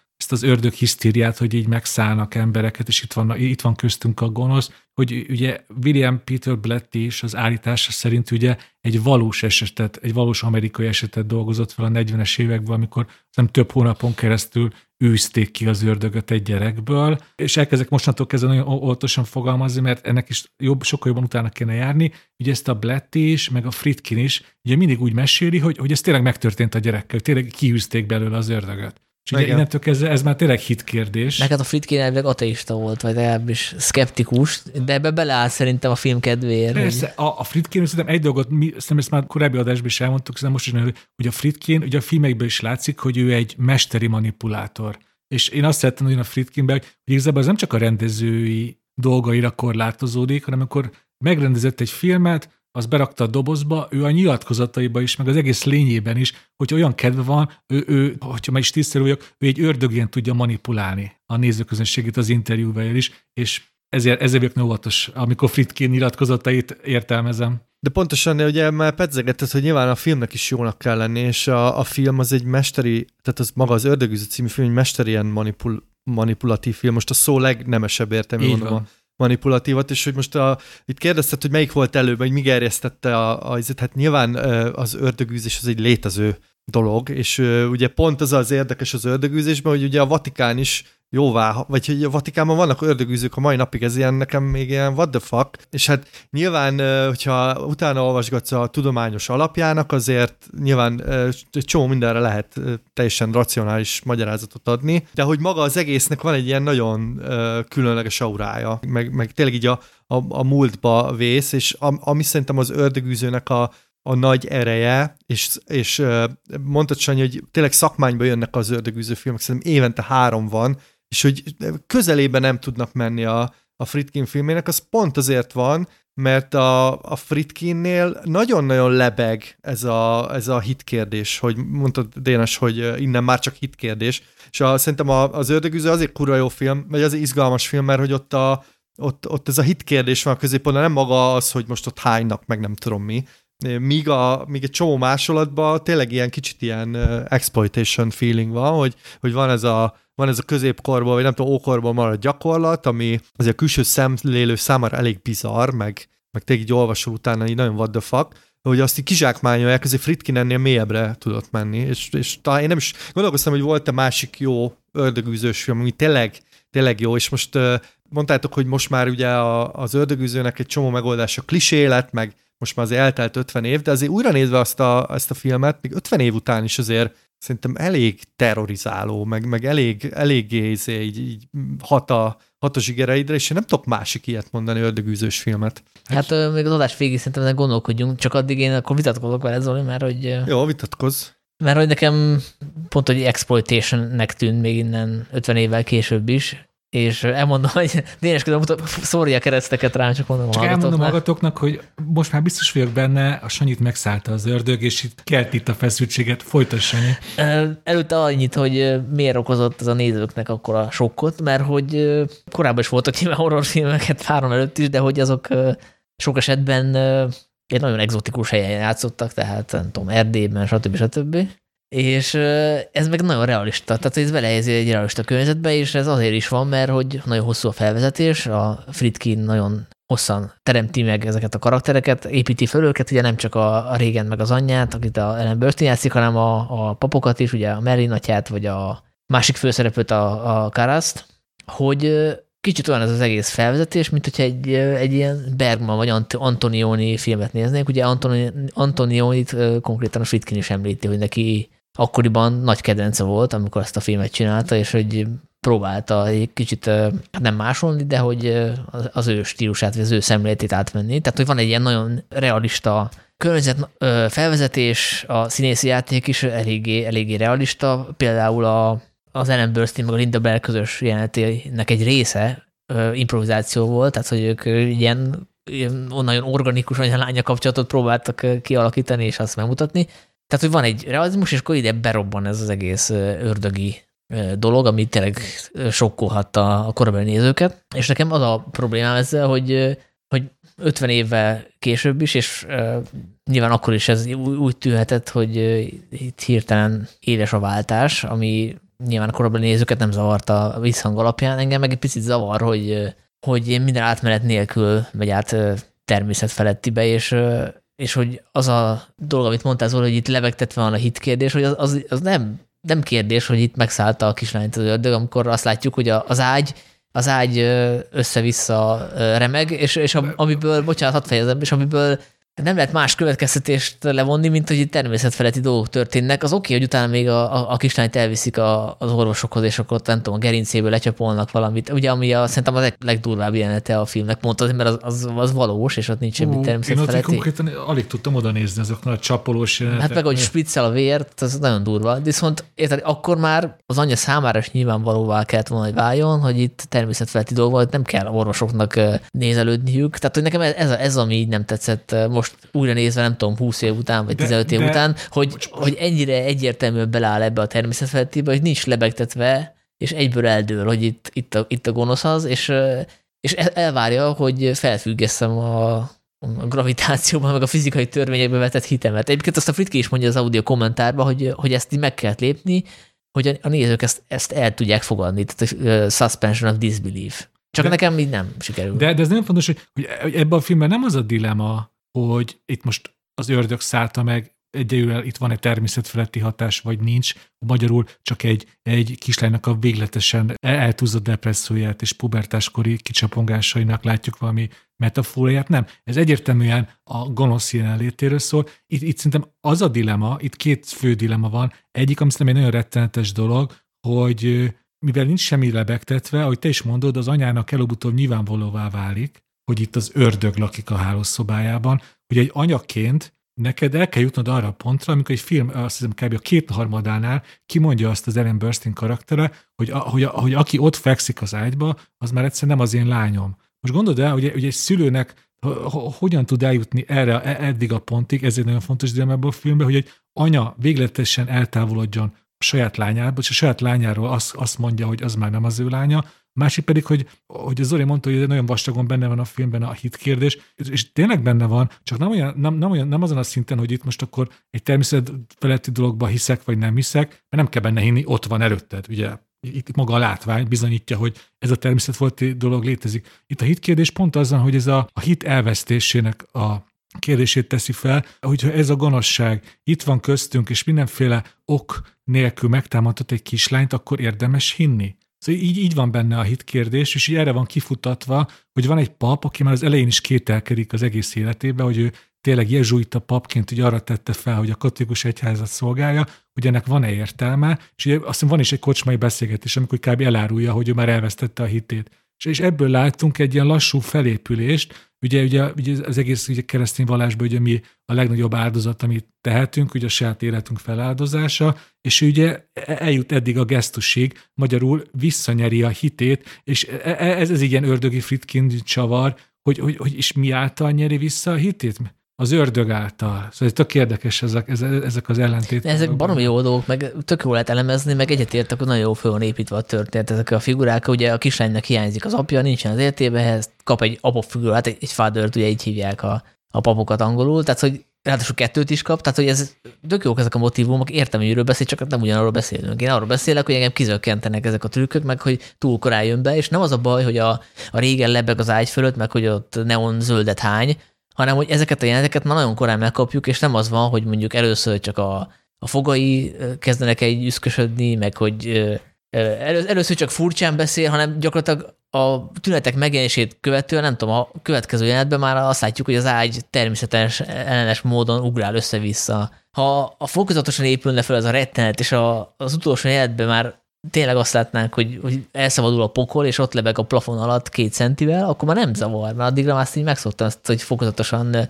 bevezettek ebbe a, a természet felettébe. De hogy már rögtön a legelső jelenetben Érted? Tehát az, hogy kifordul a kislánynak a feje 360 fokba, az, az jöjjön az utolsó okay, jelenetben. De azért mert azt nem lehet überelni. Azt, azt tegyük hozzá, hogy amikor ő megfordul a kislány feje, az nem, a, nem az elején van a filmnek, hanem mondjuk hogy le, legkorábban a felén, de egy kicsit később. Annyiban tudok neked igazat mond, adni, hogy hogyha most feltesszük azt a kérdést, hogy, hogy mik az ördögőzőnek a leginkább ikonikus jelentei, ami ugye mindenkinek eszébe jutnak. Azt szerintem, amikor ugye a keresztel maszturbál, és amikor ugye a feje ugye 360 fokba megfordul. És valóban egyik jelenet sem a, a fináléban van, hanem már előtte. És ezen tök hogy most láttam sokat szóra a filmet, és én most megint meglepődtem, hogy a, például a keresztel maszturbálás az amilyen hamar eljön. Hogy az ember feje így önkéntelenül is így ide a filmeknek a jeleneteit, és én, hogyha most megkérdeztek volna, akkor biztos azt mondtam volna, hogy az eléggé a vége felé van. Hát erről beszélek, igen, igen. De tehát, hogy úgy, úgy, csak, úgy kezdve kezdve, hogy először trágárkodik, mert az is elég sokkoló lehetett egy 73-as közönségnek. Bocsánat, bocsánat, azzal kezdődik, hogy elviszik az orvosi kivizsgálásra,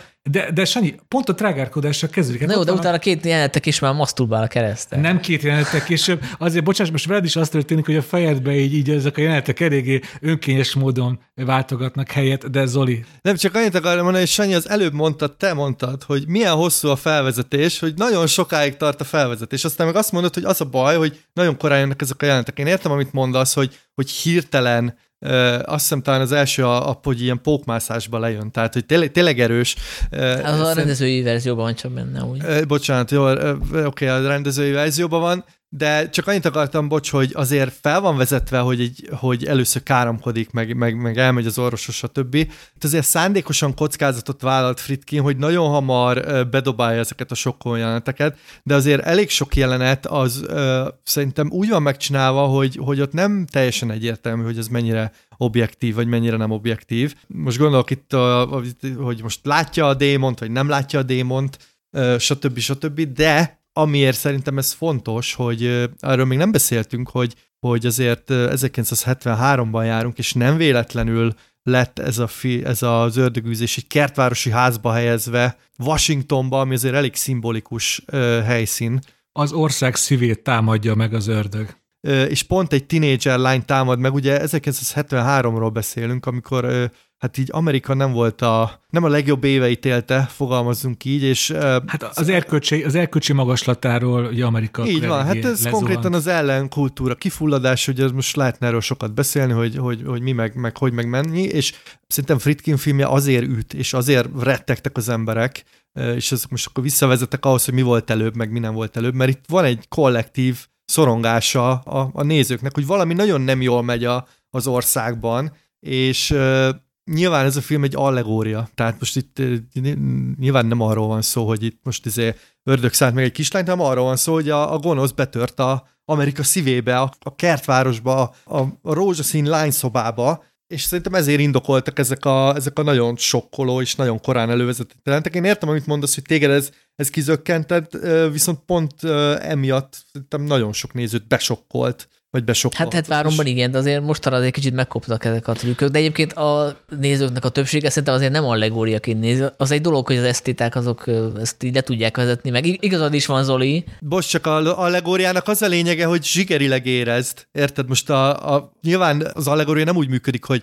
hogy mindenki így megfejti magának, hanem hogy érzed, hogy valamit elkapott benned ez a film. Tehát most nyilván az esztét, aki tudja fejteni, hogy, hogy mi meg merre, de azért én nem hiszem el, hogy, hogy mondjuk, hogy az ördögűzőt 66-ba csinálják meg, a, vagy 68-ba a virág forradalom csúcsán, akkor is ennyien mentek volna rá. Nyilván nincsen a történetben a ha, de, de kell hozzá egy ilyen hangoltság, ami, és, és azért mondtam, most csak azért mondtam a hitet, mert hogy itt arról van szó, hogy a, a, ugye a papnak a története, ami a karaszatjának a történet, az azért párhuzamba állítható a, a, a kislányéval, mert ő is az, az anyjával való kapcsolatán keresztül van bemutatva, és itt az ő hitéről beszéltem, de most nem, nem a néző hitéről, hogy most elhiszed, hogy megszállt a, a kislányt az ördög, vagy nem, hanem hogy, hogy érdemes-e küzdeni egyáltalán. Tehát ja, persze, hát ezek a, a drámai részek nagyon jó ki vannak bontva, tehát a, a karasz figurája, meg az, hogy őt mi motiválja, meg hogyan jönnek vissza az ördög szavain keresztül azok a sérelmek, amik őt érik. Ugye azt hiszem van, van egy ilyen rész, hogy valaki beszól neki az utcán, és utána később azt, azt hallja vissza az ördögtől a, igen. az ördögnek a hangján.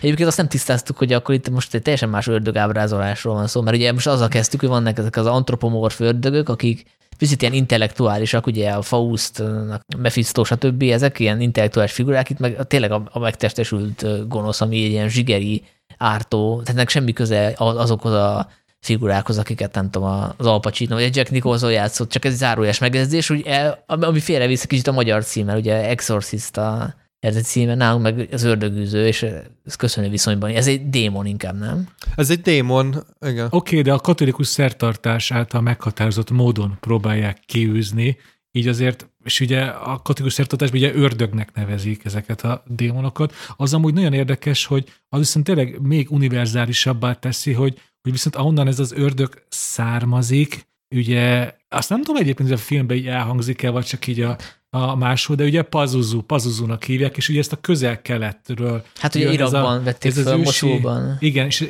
Tehát ugye ezt nem is láttam, hogy bocsánat, én nagyon régen láttam a filmet, de hogy a legelső hang, amit meghallunk, az egy műezőnek az éneke, azért meglepődtem. És ugye, ja. ugye ott ásnak ki egy ilyen ősi szobor darabkát, és akkor ott elindul már rögtön ott a kis ö, nyomasztás ott abban a kis közelkelti városkában, hogy ő így indul, és ez nagyon fontos, hogy, hogy itt azért elég, elég önkényesen használják fel Pazuzú, ez egy ősi sumér démon, hogyha jól emlékszem a, a Wikipédiás kutakodásaimra, és nagyon fontos, hogy a filmben csak annyi hangzik el, még ott a, az iraki jelenetben, hogy néha gonoszszal kell harcolni a gonosz ellen. És tök érdekes, hogy, hogy Pazuzu az egyáltalán nem egy ilyen legfőbb gonosz volt ott abban a mezopotámiai mitológiában, hanem például volt egy másik ártó istenség, aki ellen fohászkodtak Pazuzuhoz, és Pazuzu védte meg az asszonyokat, ez ellen, az istenség ellen, és konkrétan például ilyen pazuzus, a pazuzut így szem nyakláncként, vagy ilyen kis szoborként a nyakukba hordták az akkori embereket. És ugye ehhez képest, amire ez a pazuzu ugye átér a keleti partra már sokkal inkább hasonlul ahhoz a, ahhoz a keresztény ilyen univerzális gonosz szemlélethez, és nem pedig ez a, ez a sok istenhitű mezopotámia, hogy istenek egymás ellen harcolnak, ez már sokkal inkább ugye bele ágyazódik ebbe Tehát akkor ilyen kulturális kisajátítás, ami ilyen imázsrontásra párosul. Hát igen, igen, azt elmondhatjuk, hogy, hogy, hogy Pazuzu az Ördögöző című filmben sokkal gonoszabb, mint a mezopotámiai mitológiában. Jó, azért azt adjuk meg Fritkinéknek, hogy nem ők kezdték a kulturális kisajátítást, azért a kereszténység és a pogányság viszonya az hát nem a kölcsönös elfogadás és megértés. Persze, ez mennyire ősi dolog, az ördögűzés, az nem egy keresztény találmány, az oh, már persze, kereszténység hát, előtt nem? ősi törzsi, ez egy ősi törzsi szertartás volt már, az nem tudom, az idők kezdete óta, nem vagyok antropológus, de hogy az ártó szellemet kiűzni a törzs egyik tagjából. Hát jó, figyelj, ez nagyon egyszerű, hogyha beteg vagy, akkor nyilván egy szellem szállt meg, nem? Tehát, hogy egy, egy rontó szellem, azt valaki kell űzni. Tehát ez azért elég, elég ősi dolog. De hát ebből a szempontból az jó döntés volt, hogy ugye ez egy katolikus film, tehát általában szeretik is a katolikusok, meg hát konzervatív is, és hát ugye ez azt szimbolizálja, ez az ördög, hogy külföldről kell importálni, hogy ez, ez, ez a pogányságból jön, és hát nyilvánvalóan Migráns. ezt a migráns, és ezt a, ezt a, a keresztelés Istennel ki lehet űzni. Tehát, hogy nem a, a keresztény kultúrkörön belülről jön az ellenség, hanem, hanem a pogányságból. Azért ez annyival árnyalnám, hogy nyilván ennek a filmnek azért nagyon megosztó volt a fogadtatása, és nagyon sok keresztény szervezet kikelt ellene, ő konkrétan nem tudom, az, magát a filmet az, az ördög találmányának nevezték meg ilyen hasonló. Most nem, nem szó szerint idézett, de hogy ez volt a véleményük róla. De ha viszont az én személyes véleményem, ez tök érdekes, hogy ez viszont tényleg egy elég önkényes értelmezés, de most Fritkinbe kapaszkodok, aki ugye azt mondja, hogy ez a film mindenkibe azt erősíti fel, ami már eleve benne van, hogyha ő azt hiszi, hogy csak a gonosz létezik, és minden el fog sorvadni, és mindennek a vége az örök sötétség, akkor ezt a hitét fogja erősíteni,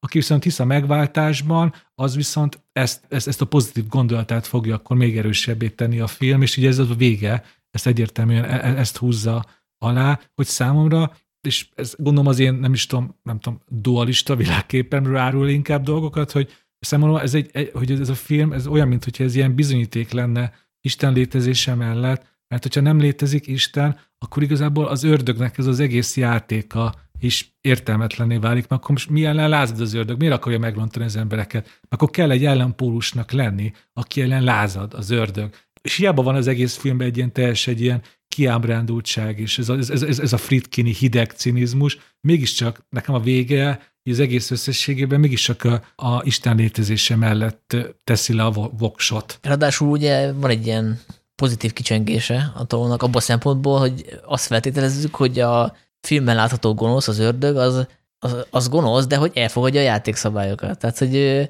ha szentelt vizet hajítanak rá, akkor neki az fájni fog, akkor, hogyha nem szentelt víz, meg, meg úgy rosszul lesz attól, hogyha Krisztus szavát mondják neki, holott érted, most miért, miért kell odafigyelnie? Na, ez egy újabb bizonyíték, igen. Tehát, hogy ebbe a dualizmusba ő elhelyezi saját magát. Nekem pont ez a problémám ezekkel, hogy, hogy akkor itt elfogadod azt, hogy a, a gonosz az, az, az szintén a katolikus egyház része, tehát hogy reagál a, a keresztre, meg a szent Hát mint vízre. Judás a, a, Hát de nem, hát elfogadjuk azt, amit az elején mondtam, ugye a sátán eredetéről, ugye, ugye ez egy angyal volt, aki fellázadt Isten ellen, ez ergo az ördög rögtön egy ilyen alacsonyabb hierarchiai szinten van, mint Isten, és ugye oda akar feljutni, ugye az ellen lázad és emiatt ugye beszéltek, hogy elfogadja ezeket a játékszabályokat. Hát azért kénytelen elfogadni, mert ugye ebbe a világba született bele, amit ugye Isten megteremtett. Ugye Isten már előbb volt, mint az ördög.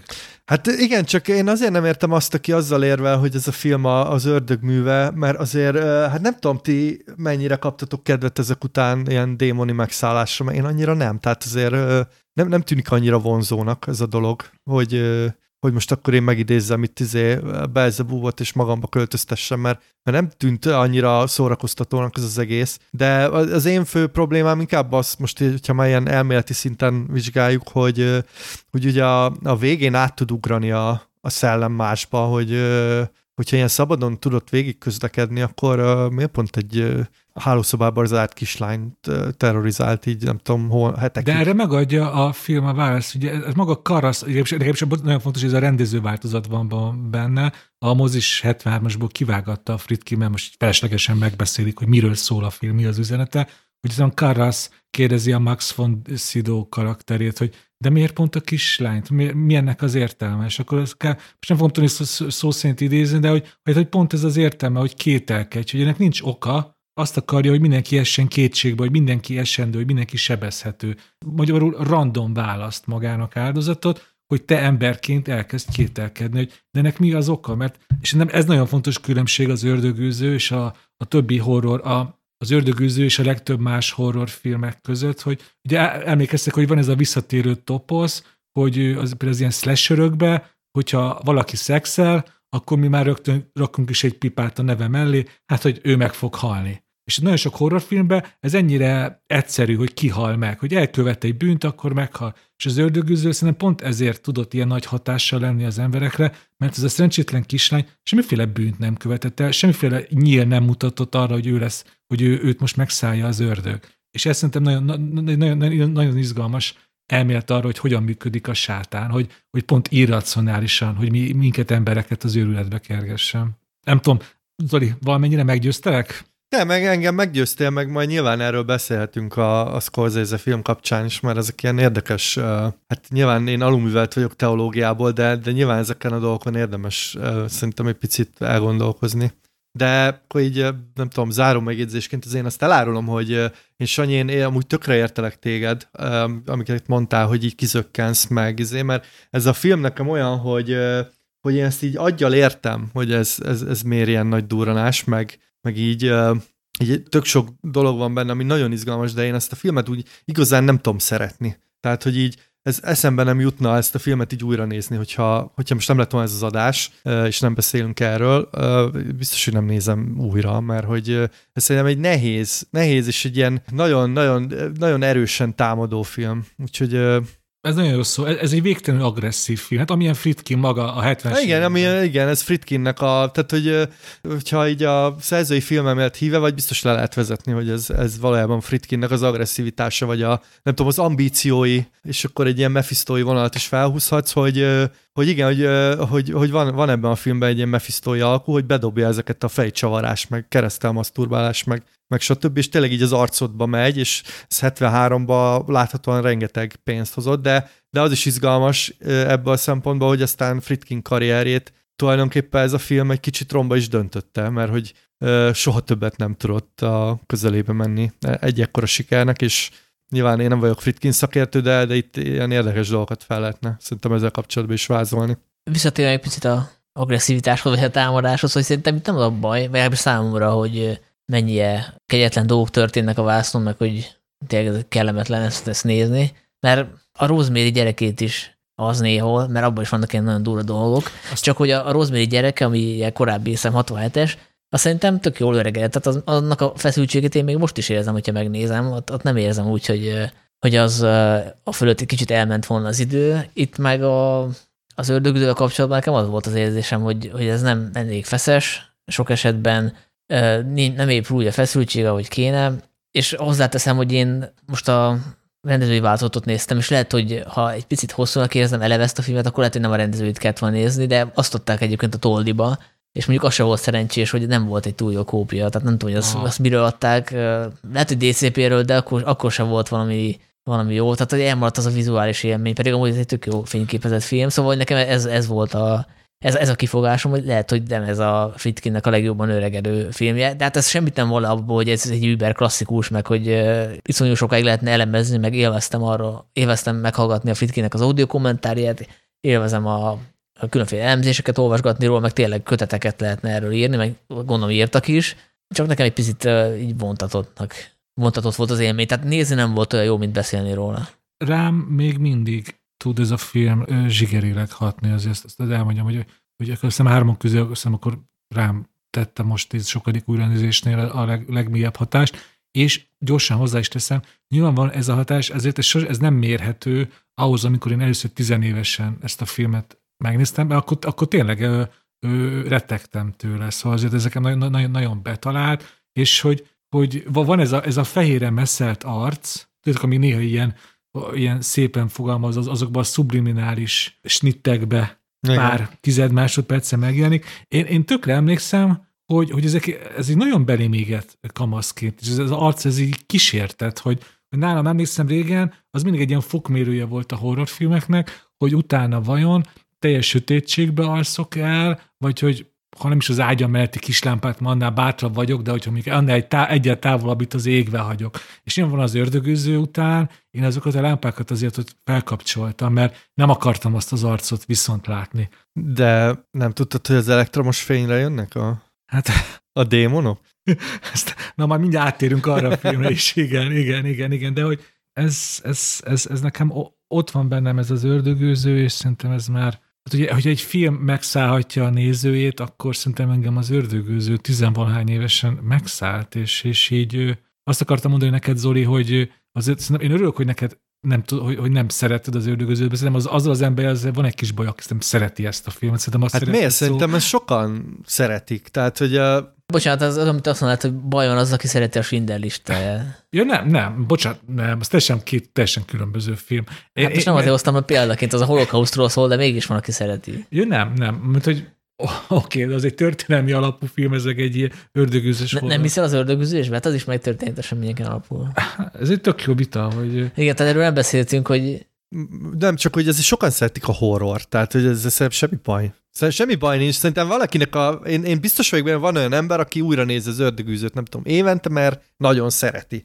Csak a- arra céloztam, hogy én nem vagyok ezt, tehát hogy én nekem eszembe nem jutna, nem tudom, ezt. Jó, akkor úgy finomítom, hogy valahogy nekem az ördögűző kapcsán a, a szeretet szó az olyan, olyan furá hangzik, akkor ezt, ezt nem tudom jobban megmagyarázni ennél. Ak- Akkor én mondjuk ezt a filmet csodálom, vagy nagyon érdekesnek tartom, és ahogy a Sanyi is mondja, hogy legalábbis számomra, én nem, ugye az, Sanyi mondta, hogy tök sokat lehet erről a filmről olvasni, meg gondolkodni, hogy nekem az ördögűző az, az a ritka együttállás, hogy zsigerirek hat rám, és utána, utána olvasni, hogy például az ördög kultúrtörténete, katolikus dogmatika, bármi, vagy Fritkinnek ugye ezek a megkérdezhető valóságtartalmú anekdotái, ezek mind-mind-mind nagyon-nagyon érdekelnek az ördögűző kapcsán, és, és az a szerencse, hogy ennek a filmnek főleg a, a hatása miatt és a, az utóélete miatt hatalmas szakirodalma van például, amit nagyon tudok ajánlani, azt hiszem csak régen olvastam, most nem néztem meg, hogy a, a, a, talán a film mondhatjuk, hogy legnagyobb rajongója az egy brit filmkritikus Mark Kermode, ö, most a kiejtésben igen, igen. neki van egy külön ilyen száz oldalas kis a BFI Film Classics sorozatban megjelent kis kötete, azt például nagyon, nagyon melegen tudom ajánlani, mert tényleg ő, ő ennek a filmnek megszállottja. Zárásként arra gondoltam, hogy mindenki mondja egy kedvenc triviát, mert hogy a film forgatásával, meg a létrejöttével kapcsolatban rengeteg izgalmas információ van, és most ha ezt elkezdenénk felsorolni, akkor ez egy öt órás adás lenne. Ami gondolkoztok esetleg kezdésnek, most rögtön, rögtön mondok kettőt, mert nem tudok dönteni. Hát az egyik az, hogy ugye azt látjuk a végső ördögüzős jelenetben, hogy látszik a színészek lelete, hát amit ugye bárki meg tud oldani a számítógépen manapság, mert ez CGI-ja, vagy akárhogy ezt így meg lehet csinálni. De ugye akkoriban az ugye mi volt a kénenek fekvő megoldás? Tényleg lehűtötték a szobát, tehát ez nagyon kellemes lehetett úgy forgatni, hogy nem tudom, egy légkondicionálóval így csináltak ott mínuszfokokat. A másik meg, hogy az ördög hangjára, hogy az ördög hangját hogyan teremtették, meg ugye manapság ez tényleg... Bocsánat, nem azt mondtad, hogy csak egy triviát lehet mondani?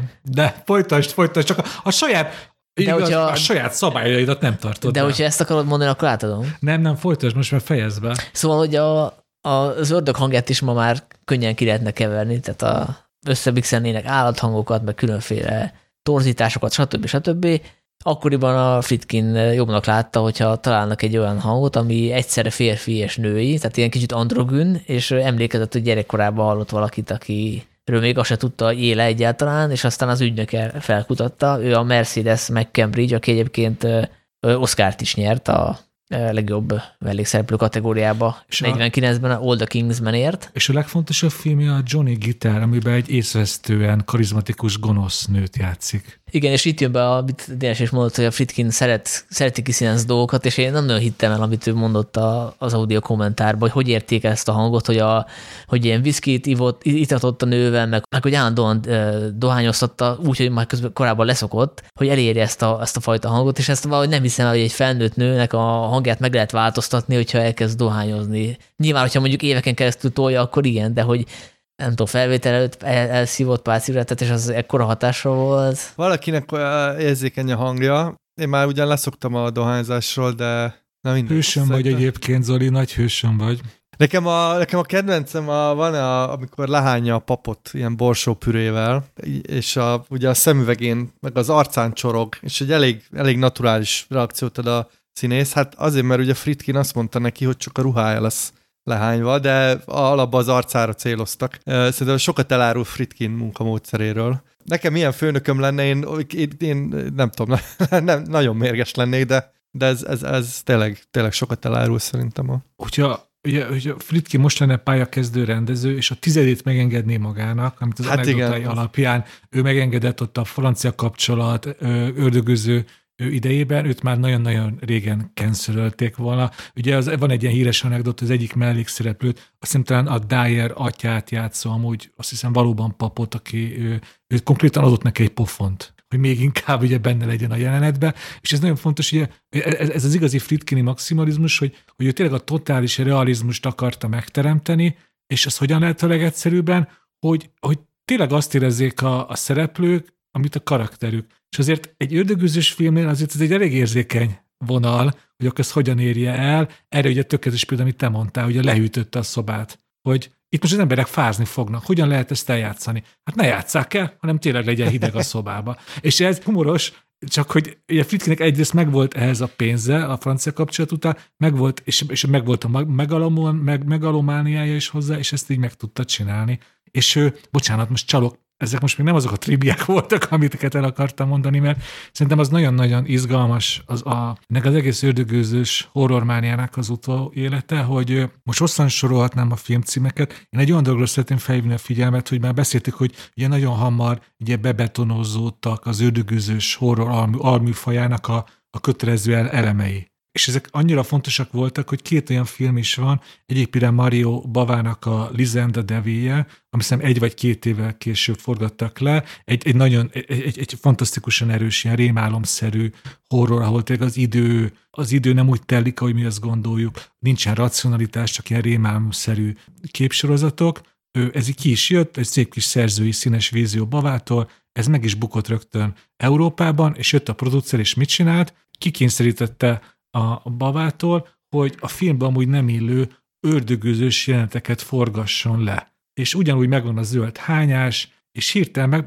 próbáltak nagyon kérőszakolt módon egy ördögűzős filmé átalakítani, mert hogyha egy filmben ördögöt üznek és zöldet hánynak, az kassza siker lesz. Ugye ez volt a, sajnos nagyon sok producer ezt így fordította le az ördögőző sikerét, és ezért jött ez a töménytelen, hát alsóbrendű utánzat. Itt szerencsére maga az alapmű az nagyon jó, a Lizenda Devil, és az a nagyon érdekes, hogy ugye magának az ördögőzőnek is készültek hivatalos folytatásai. Ugye a második részt ugye John Burmer rendezte, ami hát egy ilyen országos kudarc, de szerintem ebben izgalmas kudarc érdemes megnézni, és aztán jött a harmadik rész, amit maga William Peter Blatty rendezett a saját könyvéből, és ott is az történt, ami a Lizenda Devil-lel, hogy ő megcsinálta a saját ördögöző filmjét, amiben nem volt ördögűzés. És ezt megnézték a producerek, a gyártócég, és így rögtön hát, ha, ha, ha hát ez, ez akkor hogy lesz ebből a filmből siker, és utólag kellett a William Peter Blattynek ördögűzős jelenetet beillesztenie utóforgatással a saját filmjébe, és, és, és, és szerintem éppen ez a filmnek a kárára is várt, mert ugye az inkább egy ilyen sorzagyilkosos thriller akar lenni, egy kis természet feletti dimenzióval, ezt most megnéztem az adáshoz, és tényleg nem illik bele az ördögőzés. Nem tudom, ti láttátok az ördögőző hármat, de az, az, azon kevés folytatások egyike, ami nem másolni akar, hanem a saját útját akarja járni, és ezért is fájó szerintem, hogy ez, hogy ez a produceri ráhatás. Ez volt az én, hát a Sanyi arcábrítél elég hosszú nyúlt triviám. Köszönöm hát a figyelmet. A, szerintem a triviáról más elképzelésünk van. igen, azt akartam mondani, hogy... Grand, igen, bocsánat, ez egy grand trivia volt. Sőt, azt hiszem a trivia az már többes szám, hogy ez egy grand trivium volt valójában. Zoli, te mondtál? Én mondtam a borsóhányosat, de mondok még szívesen, ha akarsz. Ja, nem akkor. Ne, ne, nem akarok mint az idegeiden táncolni. De nem mondunk akkor jó ördögűzős filmeket? Én közben gondolkoztam, eszembe jutott egy. Hát a, az ördögűző három az érdekes, és tényleg mindenkinek ajánlom a hibáival együtt is. De van tényleg jó ördögűzős film, ami pont... Nekem eszembe jutott egy ami nekem nagyon tetszett, és az egy dél-koreai film, a The Wailing. A Coxong is irató. Ah, igen, azaz. És az, abban van egy ördögűzős jelent, ami szerintem kurva jó. Tehát az tényleg az én azon ott azért libabőröztem rendesen. És ugye beszéltem arról, hogy ugye kamaszkoromban milyen zsigeri hatás, mekkora nagy félelmet idézett elő belőlem a, az ördögűző. Na, az utóbbi nem tudom, 5-10 évben már kevés film tudott ilyen hatást, ilyen mély hatást kelteni, de a The Wailingnek sikerült. Én emlékszem, hogy én attól a filmtől nagyon-nagyon féltem a végén. Égett a lámpa e, utána? Hát erre most így konkrétan nem emlékszek, de nem lennék meglepődve, hogyha utána valamelyik lámpát égve hagytam volna.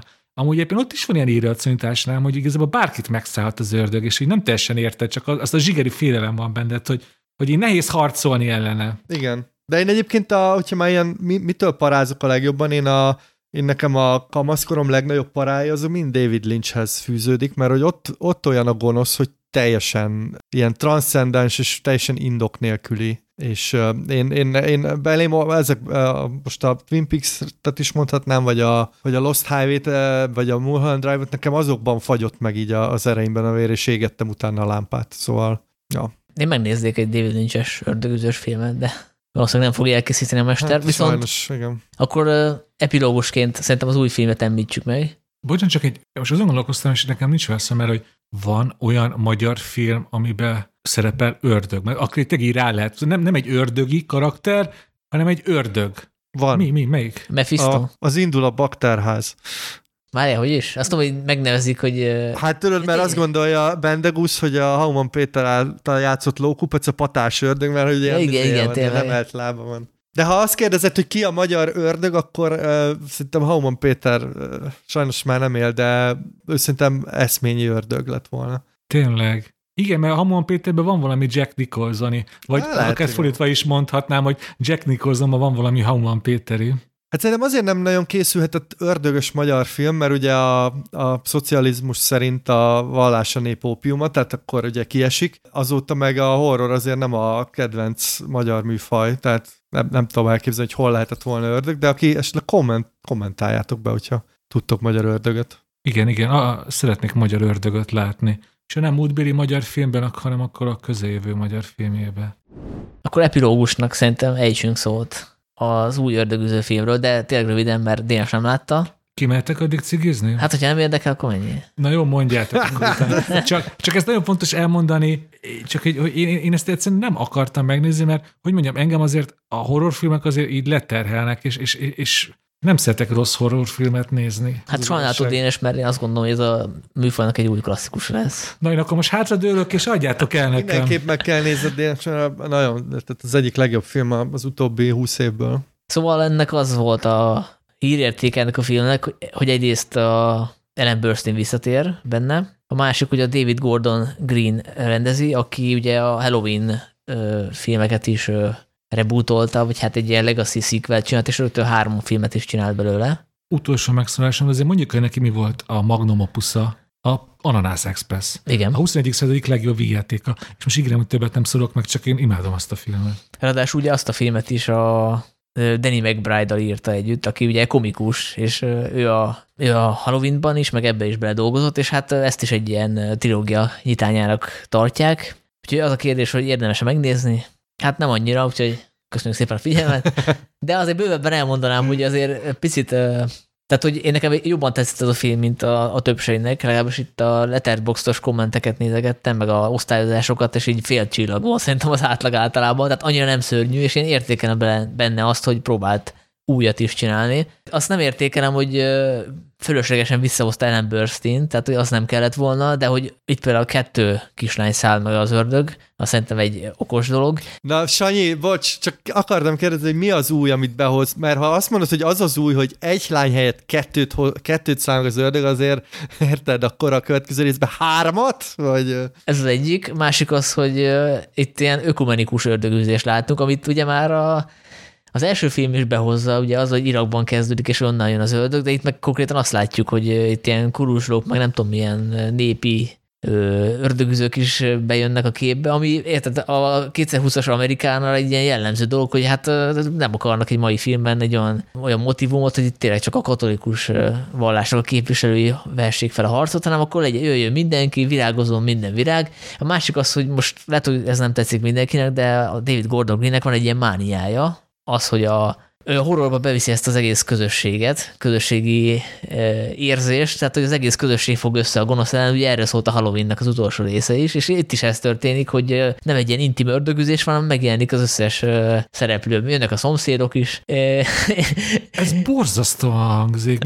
Mi Halloween party ördögűzéssel? ennek az, ez, a, ez a fajta szerződéség tetszik, hogyha nem is értesz vele egyet, legalább ő ragaszkodik, van egy filmeken áthúzódó ideája, és ezt így levezeti, és akkor vége utolsó pozitívum, hogy amit kritizáltam a Friedkin filmjénél, az itt megvan, hogy ezek a nagyon elborult dolgok, hogy levitáció, stb. stb. ez a legvégén jön be. Tehát, hogy előtte meg így fokozatosan látjuk, hogy kialakul ez a borzongás. Ugye az a, azzal kezdődik a sztori, hogy ez a két kislány eltűnik az erdőbe, visszatérnek, és akkor elég furcsán kezdenek viselkedni, és az a rész szerintem például tökéletesen jól működik. Ott, ott még érzem a feszültséget, és aztán mire, mire eljutunk az ördögüzés, ördögüzéshez, a sajnos hát elég, eléggé szétesik, és, és el tudok képzelni egy olyan filmet, ami ezt, ezt a filmet parodizálja vígjátékként, mert hogy itt tényleg vannak olyan zicserek, amiket le lehet ütni, és akkor utolsó kommentem, hogy hát valószínűleg nem bős dolog úgy belekezdeni egy trilógiába, hogy már az egészén kijelentett, hogy ez egy trilógia lesz, trilógiában gondolkozunk, mert hogy ha bukik az első rész, akkor, akkor mi lesz a folytatással? Mert itt is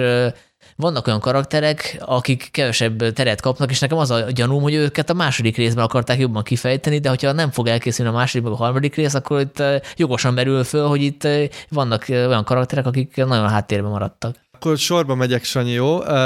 Egyrészt ezt a filmet valószínűleg elég komoly piackutatás előzte meg, azért jelentették, hogy trilógia lesz, és nagyon igazuk van, mert hogy ez valami többszörösét hozza vissza a gyártási költségeknek, tehát nyilván lesz második rész, és én garantálom neked, hogy harmadik rész is lesz, mert arról még nem beszéltünk, hogy nem csak azért készülnek ám ilyen horrorok, mert annyira nagy ilyen kollektív szorongás van, hanem azért, mert olcsón lehet garantált bevételt hozni, és én nem tudok olyan horrort mondani az elmúlt, hát nem is tudom, de nagyon régen bukott meg szerintem horror. Tehát, hogy ez, Postmortem, azért én tudok egyet most itt hirtelen. jó, hát az egy másik kategória, ugye az, de az se bukott, megbukott pénzügyileg, milyen meglepő.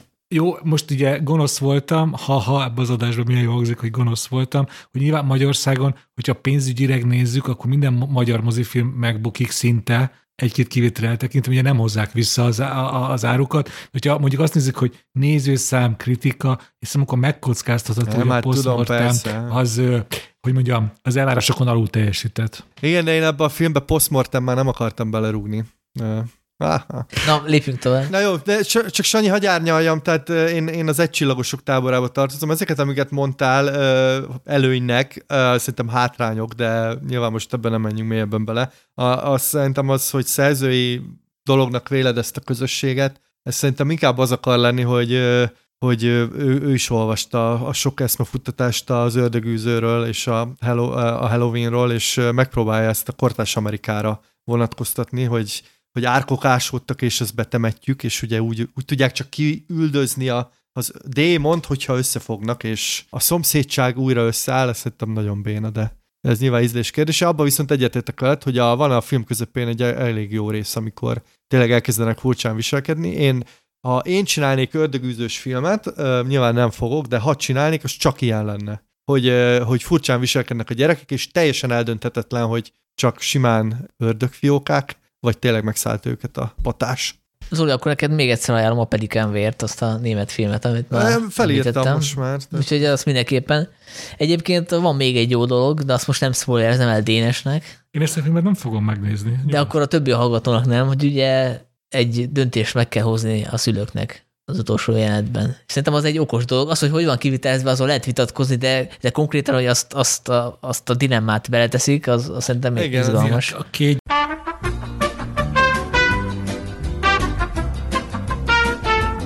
Ha ennyire Igen, ezért az. Sanyi úgy vezetett fel, mintha valami kurva nagy ezért, Tényleg erre de- lenne. Lehet, hogy Dénes, te megnézted. Nem, csak hogy mondjam, hogyha van két gyerek, akkor azért az ember így összerakja az egyet meg az egyet. De ezt majd ki fogom vágni, hogy erről beszélt. De miért vágod ki? Ez is mutatja, hogy milyen béna a film, hogy, hogy Dénes rögtön kitalálja a végét. De ennél azért jobban meg van, föl van vezetve. Szóval én uh, szerintem beküldöm uh, a stúdiónak az én nagy ötletemet, hogy legyen három gyerek. Hát lehet, hogy az lesz a folytatásban. Azonnal nézném, úristen, Ugye? három gyereket megszáll. És mi lenne, hogyha hármas ikrek lennének, Zoli? Ú, na ez még jobb. És az egyik örökbe fogadott. Majd a 100 millió dollárs bevételedből 50-et utalját, köszi. Jó.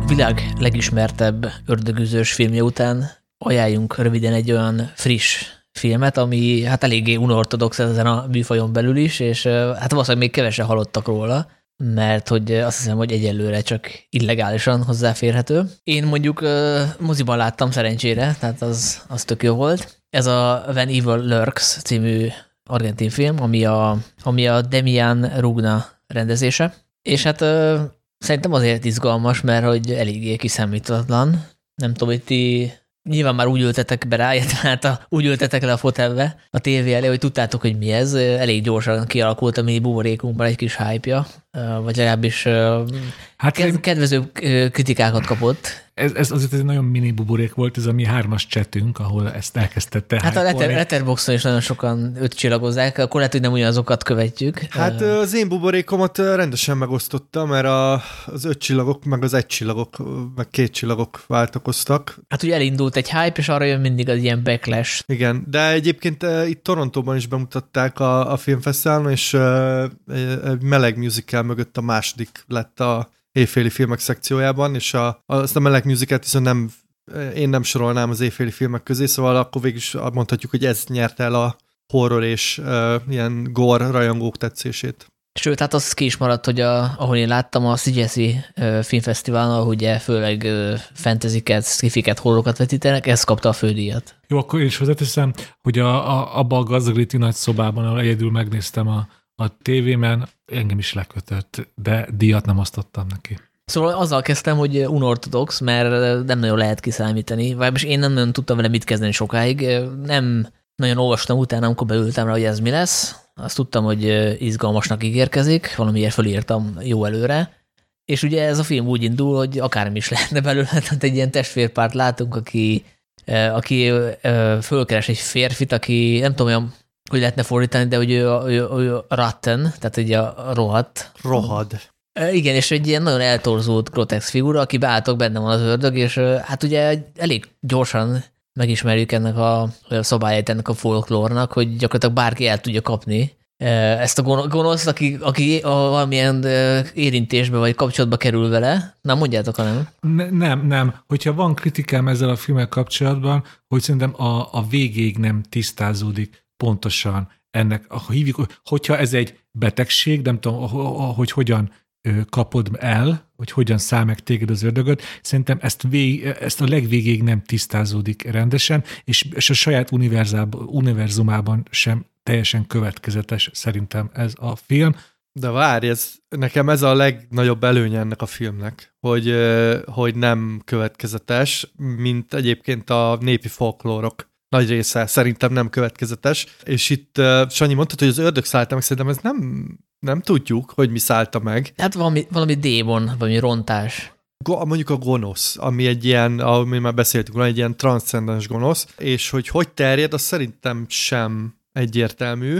Számomra ez volt a legizgalmasabb vonulat ennek a filmnek, hogy egy, igen, hogy bármi lehet belőle, mert ilyen tanyasi horror szerűen indul, de számomra ez az egyik legjobb Covid film, ami, ami készült, mert hogy ez egyértelműen egy ilyen betegségvírus téma. Tehát, hogy ugye adják át egymásnak a, a rothadást, vagy hát a, nem tudom, ezt a betegséget, úgyhogy ez, ez, ez tök szépen végig van vezetve. Aztán persze tényleg abban igazad van, hogy különféle epizódjai vannak, ami egyébként különféle horror műfajokat idéz meg, tehát hogy ezen így szépen végzongorázik, és egyébként én semmit nem tudtam erről a filmről. Tehát, hogy én, én hiába láttam a csillagokat, azért nem tudtam, hogy miről szól, és emiatt ez a, ez a része, ez, ez azért engem lekötött. Aha. Szóval egy ideig azt sem lehet tudni, hogy ki a főszereplő szerintem, mert hogy megismerjük ezt a testvérpárt, de aztán átkerül a fókusz egy másik házaspárra, és aztán ők hát elhaláloznak, ezt azért spoilerezem, mert ez a, nagyon a film elején van, és akkor utána kiderül, hogy igazából itt az a, a tétje a főszereplő Haim számára, hogy kimenekítse valahogy a, a kislányát, mert hogy ő azt feltételezi, hogy ez a démon ez most elszabadult, és hogy bármikor bárki beleszállhat. A kisfiát, és kettő, kettő kisfiát. Két gyereke van a, az előző házasságából, ami ugye tönkrement, és onnan próbálja kimenteni ugye a kisfiát, és a, hát egy ilyen testi deformációval küzdő nagyfiát, nem tudom pontosan. Szerintem az inkább ilyen mentális. De... Hát ez a, szerintem aut, autizmus-szerű igen, valami. Igen. Mert ugye nagyon fixált a, a kis a, a, a és, srác. És első körben meg akarja győzni a feleséget, és akkor az nem sikerül, akkor kvázi elrabolja őket. Igen, mondtátok ezeket a izgalmas váltásokat, ugye ez ö, van egy ilyen road movie szál is, kicsit olyan posztapokaliptikus, hogy ott a a, a, a majdnem lakatlan argentin pampán szágódoznak, hogy valami biztonságos helyre érkezzenek. Egyébként az önmagában engem se zavarna, hogy egy horrorfilmben a gonosz terjedése az kicsit következetlen, mert ugye pont beszélgettünk el az őröző kapcsolatnak, és milyen erénye, hogy, hogy a gonosz az ilyen irracionális. Egyszerűen ugye emberi agya nem felmérhető, hogy pontosan hogyan is működik. Csak itt szerintem előbb-utóbb annyira szerintem nyilvánvalóvá válik, hogy, hogy itt, hogy itt a, akkor hívjuk tényleg így, hogy az a gonosz, ami néha megszállja az emberek testét, és néha pedig, mint valami alien, ugye azokból próbál aztán kikelni egy új lényként, hogy szerintem annyira mindenható ebben a filmben, és Ráadásul állatokat is meg és, és annyira erőteljes, hogy nekem többször is az a kérdés fogalmazódott meg bennem, hogy igazából ez ellen így küzdeni így nem lehet, hogy, hogy valójában ebben a világban miért, még miért vannak olyan emberek, akiket még nem szállt meg a gonosz? Erre a kérdésre nem kaptam választ a filmből, mert egyszerűen, egyszerűen túl erős ez az entitás, aki ellen próbálnak harcolni, és a, csak mondjuk, mondok szerintem egy pozitívumot is, ami szerintem nagyon tetszett ebben a filmben, hogy nyilván nagyon sokféle gonosz ábrázolás van, nagyon sokféle módja van annak, hogy hogyan lehetne küzdeni az ellen. Most megint mondom az ördögűző példáját, ugye ott azt látjuk a fináléban, hogy végülis gonoszsággal győzi le a gonoszt. Ugye folytogatja a kislányt. Ugye itt viszont nagyon, nagyon, nagyon hamar le van fektetve az a szabály, és ehhez például egyébként következetesen ragaszkodik a film, hogy, hogy a gonoszt azt nem lehet megölni, főleg nem ő ugye lőfegyverrel, mert akkor átszáll. Magyarul ugye gonosz bűnt nem követhetsz el a gonosz ellen, mert akkor még erősebbé válik. És szerintem ez egy nagyon jó szabály, nagyon izgalmassá teszi, csak pont ezért is egyszerűen, ha nem lehet ellene küzdeni, akkor ez a testvérpár még miért él? Nekem ez nagyon nehéz volt elfogadni, de lehet, hogy csak én vagyok itt a kukacoskodó néző. Nem, hát tényleg elég zavarosak ezek a szabályok, meg az is, hogy mikor kibe ugorhat át, és hogy miért nem ugrik át bizonyos emberekbe, például a főszereplőbe. Ezt nem csak azzal lehet ö, ö, magyarázni, hogy irracionális, hogy teljesen önkényes módon. Például az, hogy, a, hogy, a, hogy az a kutya miért válik gonoszszá. És hogyha tényleg a ruha miatt válik gonoszszá, akkor viszont a férfi miért nem vált gonoszszá, aki az a ruha volt sokáig. Értitek? Igen, de én azért mondom, én ilyen, ezt ilyen vírus, vagy ilyen betegség allegóriaként néztem, hogy, hogy azzal is az van, hogy betarthatod az összes ilyen izé, közegészségügyi szabályt, és elkapod a vírust, más meg egyébként izé nyalogatja a buszkapaszkodót, és nem kapja el a, a vírust, szóval van benne egy ilyen irracionalitás, ami egyébként szerintem tök jól megy a, ez a folk horror, vagy ez a népi hiedelemvilághoz, hogy a népi hiedelmek is arról szólnak, nem, hogy izé rakjuk ki a, nem tudom, a hagymát, meg a nem tudom mit, aztán valaki mégis megszáll a rontás, és akkor még, még valami mást kitalálunk. persze, tehát, meg a... kecskevére öntsük le a házat, és háromszor kerüljük meg. Igen, és hogy az egész full irracionális. Tehát, hogy és közben vannak olyan szereplők, akik meg azt hiszik, hogy ők tudják, hogy mit kell csinálni. Ugye a Haimnek a anyja, aki ezzel oda vetődnek, hát, ami igen, a... hogy a film univerzumában van egy ilyen, hát hogy mondjam, egy ilyen kivételezett csapat, akik ugye rejtőzködve élnek, de nekik megvan a felszerelésük ahhoz, hogy a gonoszt megöljék. Ez néhány ember bírja magában ezt a tudást, meg ezt a felszerelést, és akkor ugye nekük kéne szurkolni, hogy ők valahogy Igen, de nekem az is tetszik, hogy az is teljesen homályban van hagyva, szóval elkezdenek összeszerelni valami, én nem tudom, ilyen tájolószerű, vagy nem tudom mi az pontosan. És igen, hogy, igen. Hogy nem derül ki, hogy ők mi, mert valamit ott mond a nő, hogy, izé, hogy ők ilyen papok voltak, meg nem tudom, vándorprédikátor, szóval nekem ez a része nagyon, nagyon tetszik, de akkor megfogalmazom az én kritikámat, hogy nekem mi volt a bajom ezzel a filmmel, hogy ez a része tök jól működik, viszont ahogy a egyes jelentek fel vannak véve, meg ahogy a színészek játszanak, az nekem a, az nagyon-nagyon túl volt húzva. És nekem nagyon sokszor átbillent a, a paródiába, akaratlanul és nem mindegyik epizód á, működött. Nem tudom, hogy ti ezt mennyire éreztétek. Szóval hogy a, a például az egyik testvérpár olyan rosszul játszott a bugrist, hogy, hogy olyan volt, mint valamilyen familia kft és ilyen, nem tudom, ilyen... Nem lehet, hogy azért is, mert te azért tudsz spanyolul, és jobban mátja a füledet, mint, mint nekünk. Azért annyira nem tudok spanyolul, hogy a, nem tudom, a, a pampa akcentust így hamisnak érezzem, hanem, a, hanem egyszerűen csak, csak sok, sok volt néha, vagy hogy mondjam, szóval így nagyon túl volt húzva, szerintem, de lehet, hogy ez csak az én véleményem. Amikor így, tudjátok, amikor így emberek elkezdenek egymással ordibálni, és akkor ilyen, és akkor izé a... Mint a koreai filmekben? Á, nem, a koreai filmek azért ennél szerintem visszafogott. Há, mint, a, mint a latin-amerikai szappanoperákban, szerintem inkább arra célozza Zoli. Ja, mondjuk a, igen, a, azt valaki írta is, hogy, hogy neki szappanoperás volt, nem tudom ki a Letterbox buborékomba, de, de hogy a, például a, a jó példára a kutyás rész, ami aminek észre tudom, hogy nagyon rémisztően kellett volna lenni, de én ott, ott így hangosan felröhögtem, mert hogy valahogy így annyira annyira túlzó volt az egész, hogy, hogy így túlhabszott, vagy nem tudom, értitek, hogy... Hát akkor nagyon... vagy egy gyereket, spoiler. Igen. Hát azt szerintem az egyik legfélelmetesebb, ott mindenkiben megfogyott a szar a moziba. Az inkább vicces volt, mert... Hát akkor rossz helyen nézted a filmed, Zoli, tehát szígyezz be... Ez... Jó, hát elhiszem, hogy, hogy hogyha olyan környezetben nézed, akkor nem tudom, így beszarsz, csak érted, így, így megmutatják egy csomószor azt a kutyát, szóval tudod, hogy mi fog történni, mert pontosan tudod, hogy mi fog történni, és akkor így elkezdenek ezek az emberek így, mint tényleg, mint egy szappanoperában, ilyen gesztikulálva üvöltözni egymással, csak egy nagy rohanás van, és én így, így akkor lehet, hogy velem van a baj akkor, vagy nem tudom. Most nem probléma. a folytatásra gondoltam, hogy hogy reagálnak, hanem konkrétan a jumpscare-re. Hát a csa- igen. Az tök jó föl volt építve, nem tudom, azt így valahogy, engem az meglepett. Nekem Hát ott túl igen. volt húzva. Hát ugye ott azzal adták a feszültséget, hogy hogy előre belengedték, hogy mi fog történni, és akkor így rettegve várott, hogy most tényleg az lesz, hogy ezt a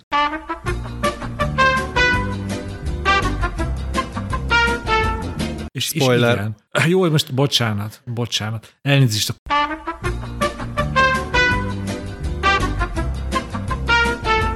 és akkor nem spoilereztem, hanem hazudtam. Igen, de egyébként itt, itt valószínűleg velem van, a, velem van a baj, mert nálam, hogy mondjam, nekem van egy ilyen nagyon vékony határa, am, amikor még valamitől tudok rettegni, és amikor átbillen. Nem tudom, nektek van-e ilyen? Vagy, vagy ugyan, ugyanez megvan nálam, a, hogy ilyen nagyon szomorúnak kell lenni. Egy, egy, van egy pillanat, amikor így, így hirtelen az olyan nagyon vicces lesz. És, és a Sanyi, amit mondtál az ördögűzővel kapcsolatban, azért lepődtem meg, hogy ott, ott így nagyon ostoroztad ezeket a, az effekteket, vagy ilyen izék, szkereket, hogy, hogy nekem meg pont itt volt az, amit te ott mondtál, hogy azért ezek itt néha nekem már egy kicsit el, el volt rúgva a pöttyös, tehát hogy így, hogy, hogy nekem ez, ez inkább már a, a, a vicces kategória volt, de hát De akkor most lehet, mondd van. konkrétumot? Hát például ez a, ez a, ez a kutyás dolog, akkor, akkor ez, a, ez, a, ez a rothadó ember, ahogy, ö, ahogy így folyt belőle a váladék, és akkor cipelték ki, azt szerintem vicc, vicces volt. Nem tudom, tehát ez nekem vicces volt. Érdekes, Zoli- érdekes koncepciója van a, a Zolinak a, a viccességről. Sétált a nő a, a, az elrabolt kisfiúval, és akkor mint egy ilyen... ö,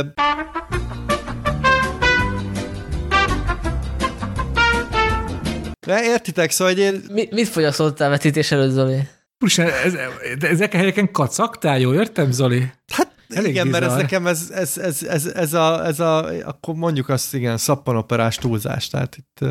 Ne, ez igazából nem is kritika, csak inkább egy meglátás, hogy én azért elég erősen éreztem a, a filmben, hogy ez nyilván egy, egy, egy viszonylag alacsony költségvetésű film, és hogyha jól sejtem, ennek nem olvastam utána, de hogy azért a pénz egy jelentős része arra ment el, hogy felépítsék maszkkal, meg mindenféle löttyel azt a elhízott rothadó embert, és azon kívül tényleg csak ilyen eredeti helyszínek maradtak, meg a havernak a konyhája, ahol forgattak, és nekem egyrészt tetszett ez a, ez a kicsit ilyen, ilyen kézimunkás do-it-yourself hangulat, de azért ez így be is határolta szerintem a, a filmet. De az nekem pont, hogy azért tetszett, mert én nem vagyok Argentina szakértő, de azt tudom Argentináról, hogy az is egy olyan fura ország, hogy a, azt hiszem a lakosság fele lakik Buenos Aires környékén, és egy kurva nagy országról beszélünk, szóval ez a, ez a Pampa, ez valószínűleg tényleg ilyen lehet, hogy egy ilyen full üres, ö, ilyen izé, mint a középnyugat Amerikában, vagy nem tudom, ott,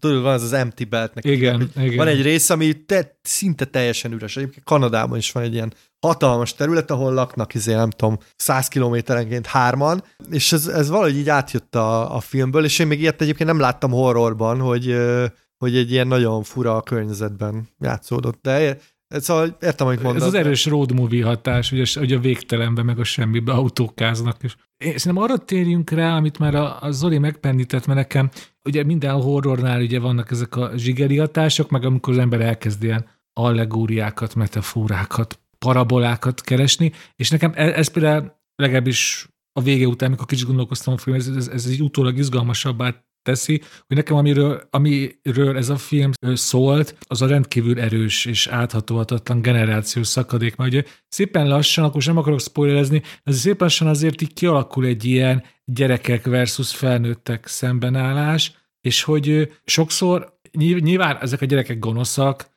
de hogy nagyon sokszor tényleg a felnőttek okozzák a saját vesztüket a saját hülyeségeikkel. És ezzel nincs átjárás, és hogy ebben azért sok bele lehet látni, hogy, hogy annyira nem érti egymást ez a két különböző generáció, hogy ez a horror nyelvére lefordítva egy ilyen mészárlásba torkolik, és hát nyilván a jövő győzedelmeskedik a múlt fölött, ugye a fiatalok a, a, az előző generációk felett, de nekem nagyon tetszett, hogy, hogy, hogy nagyon erősen benne van e- ez, ez a vonulat, és ami, ahogy azt említettük, ez amúgy nem egy új keletű dolog a horrorban, nekem nagyon erősen eszembe jutotta egy, van egy kevéssé ismert spanyol horror, de bennem nagyon mély nyomott, hogy ott ez a elég beszédes nevű Who Can Kill a Child. És az is egy nagyon lassú folyású horror, és arról szól, hogy a gyerekek a felnőttek ellen fordulnak, és van egy, ö, hát most akkor spoilerezek, de hogy ö, ennek a Van, Van Evil Lurksnak is vannak sokkoló pillanatai, de ugye ez a spanyol horror ugye a 70-es években készült, és arra fut ki, hogy van egy férfi, meg egy nő,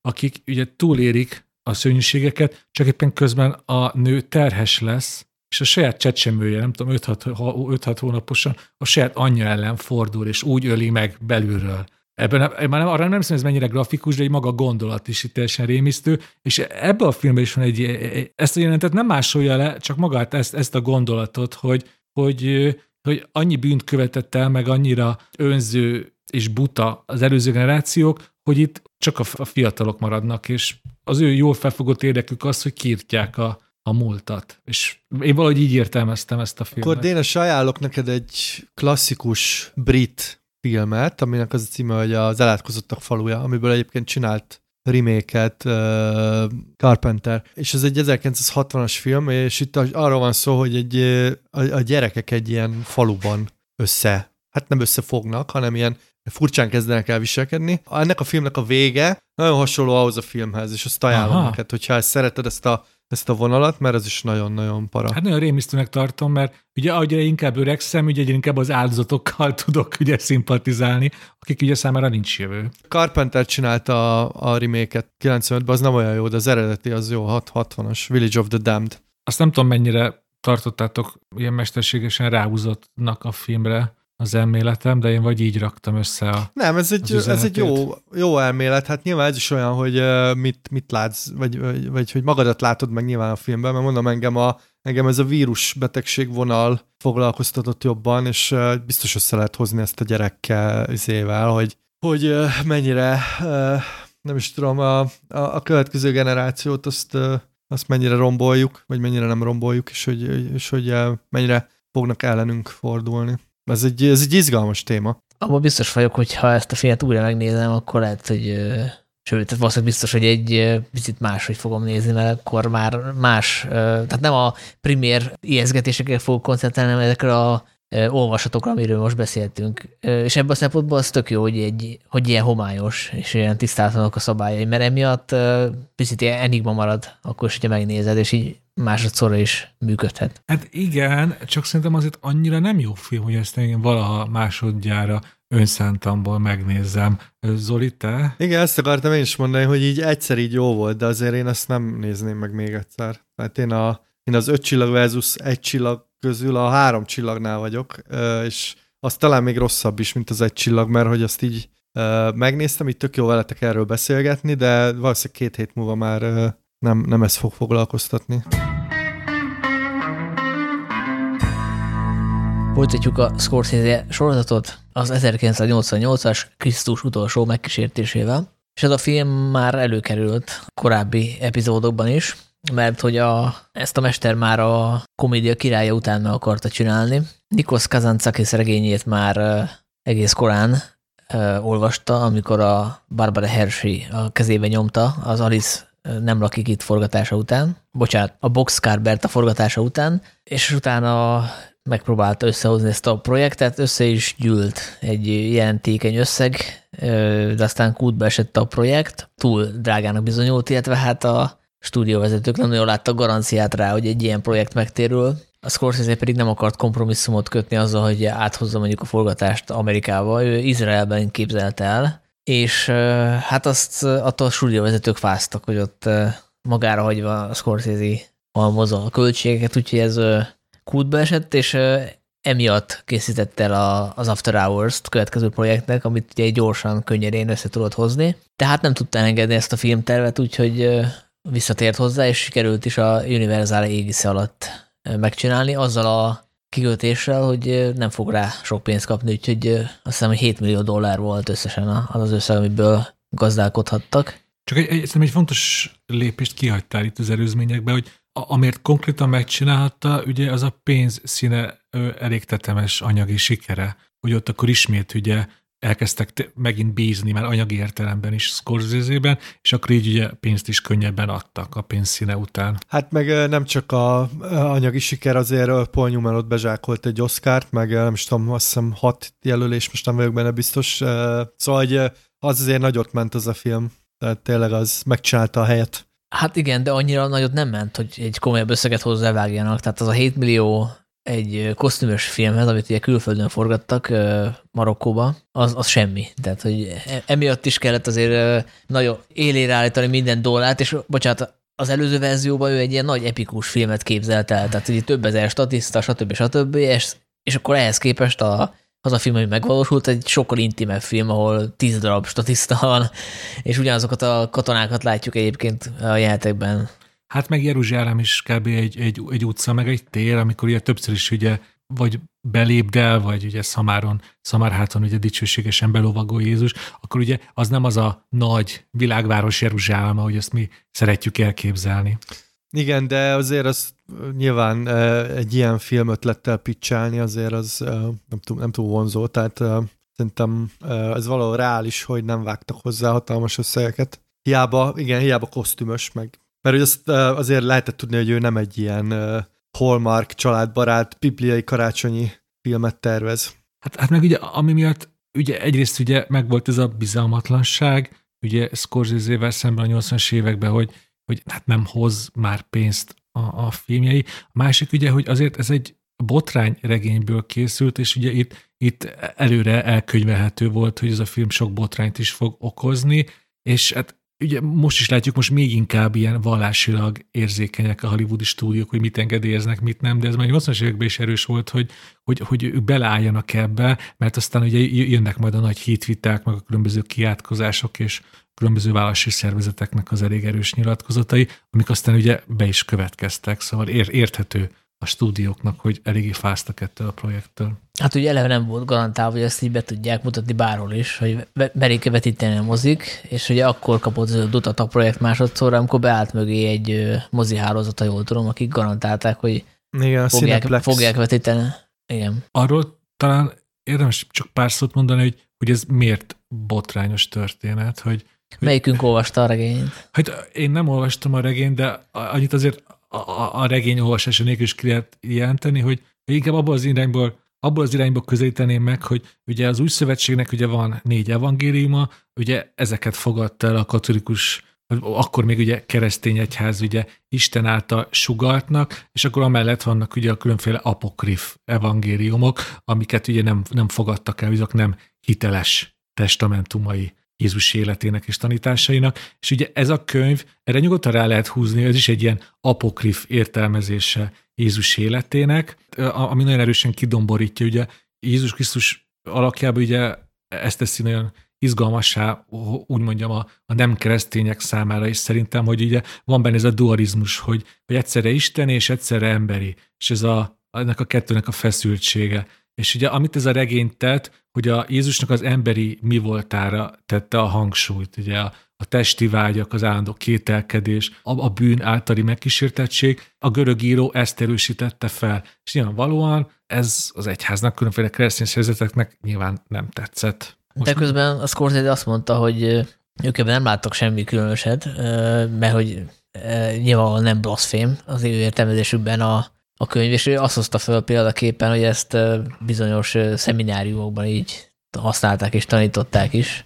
Illetve hát maga... Bocsánat, csak nagyon könnyű hergelni ellene, hogyha kiragadunk így a kontextusából egyes részleteket. Például, hogy azt mondom, hogy, hogy van ez a könyv, Krisztus utolsó megkísértése, amiben Jézus ö, szexuális életet él, szexel. Ha csak ennyit árulok a könyvről, akkor jogos a felháborodás, csak aztán nyilván ezt a gondotot kell aztán folytatni, hogy ugye ez maga a megkísértésnek az egyik fő komponense, hogy elképzeli Jézus, hogy milyen az, hogyha mégse hal meg a keresztfán, hanem emberi életet él. És családot alapít, és hát ugye gyereket nemzeni elég nehéz szex nélkül, szóval ezt valahogy ki kellett játszani. Csak mondom, hogy, hogy miért, miért, miért könnyű botrányosnak beállítani ezt. Igen, de itt ugye az a, az a fő kérdés, hogy ugye kétféle Jézusról beszélünk. Van a történelmi Jézus, aki élt valamikor, és hát nem nagyon tudunk róla semmit, tehát hogyha utána olvasgattok, ugye az összes evangélium az mind jóval a halála után íródott, tehát egy ilyen teljesen ilyen visszatekintő mód, és nyilván ott már a korai egyházpolitika formálta. Szóval van egy, van egy történelmi Jézus, amiről nagyon keveset tudunk, a, a, és van a mindenkinek a, a Jézus szimbóluma, ami a nyugati egyházban egy bizonyos fajta kép. És ugye ez a könyv, meg a film is ezt a kettőt egy picit összemosta, és szerintem érdekes, hogy ebből botránynak, mert hogy egyébként ez a film nagyon komolyan foglalkozik nagyon mély vallási kérdésekkel, tehát hogy én nem vagyok a keresztény teológiai nagy ismerője, de szerintem ebben semmi olyan nem hangzik el ebben a filmben, ami, ami szembe megy a, a, a, azzal a fajta ilyen megváltói szereppel, ami Krisztus sok embernek, de, de hogy érdekes, hogy a, ugye vallással nem szokás, vagy nem szabad viccelni, hogy, hogy tényleg ez, ez, ez a mai napig fel tud hergelni ennyire embereket, hogy... Hát és valószínűleg azokat hergelte föl, akik nem is látták. Tehát, igen, hogy... igen. Most csak ebbe a, ebbe a könyvben van egy sztori tök jó, eh, amit én olvasok, ez a Martin Scorsese a Journey, hogy a, amikor tiltakoztak a mozi előtt, eh, eh, az egyik ilyen megszólaló mondta, hogy ő be akarta vinni, a, mondta, hogy befizeti a tiltakozót, hogy azért nézze már meg a filmet, ami ellen tiltakozik, és mondta, hogy nem, mert hogy ez az ördög műve ez a film, és hogy ő nem, nem, nem vált. Tehát, hogy, hogy értitek, hogy szóval hogy úgy tiltakoztak, hogy nem, nem látták. Tehát, hogy. Igen, de egyébként annak is köszönhető a tiltakozás hullám, hogy a Paul Schrader forgatókönyvének egy vázata kikerült, mert ugye itt is az történt, ami a Dühöngő Bikánál, meg a taxisofőrnél, hogy eredetileg a Schradertől származik a, a forgatókönyv, amiben aztán a Scorsese belenyúlt komolyan, anélkül, hogy ő kreditet kapott volna, illetve volt egy forgatókönyvírótársa, a J. Cox, azt hiszem. Szóval, hogy az első verziója a Shadernek azért lehet, hogy tényleg keményebb volt, mert a, a Scorsese elmesélte, hogy például ő azt találta ki, hogy vigyék be ebbe a reális, reálisabb hangvételbe egy picit a misztikumot, meg a természetfelettit, hogy például az úrvacsoránál, illetve az utolsó vacsoránál az úrvacsorát azt így szó szerint kellett értelmezni, tehát hogy Jézus konkrétan a tényleg a saját húsát és vérét kínálta fel a tanítványoknak, akik elfogyasztották ezt, tehát, hogy, tehát nem szimbólumként fogyasztották a bort meg a, igen. Kenyer, a kenyeret, hanem szó szerint, és ugye ezt, ez lehet, hogy benne volt az első verzióban, és még hasonlók is benne voltak, ezeket a Scorsese kiirtotta, illetve azért hagyott benne, hát, amikor kiveszi Jézus a szívét, az például nyilvánvalóan a Schrader tette bele, az ő találmánya volt. Szóval ez a forgatókönyv részet kiszivárgott, és utána hiába mondta a tömegeknek a, a mester, hogy nézzék meg a filmet, mert nem azonos a forgatókönyvvel. És nagyon fontos hogy Schraderről elmondani, hogy neki nagyon mély és átfogó teológiai tudása van.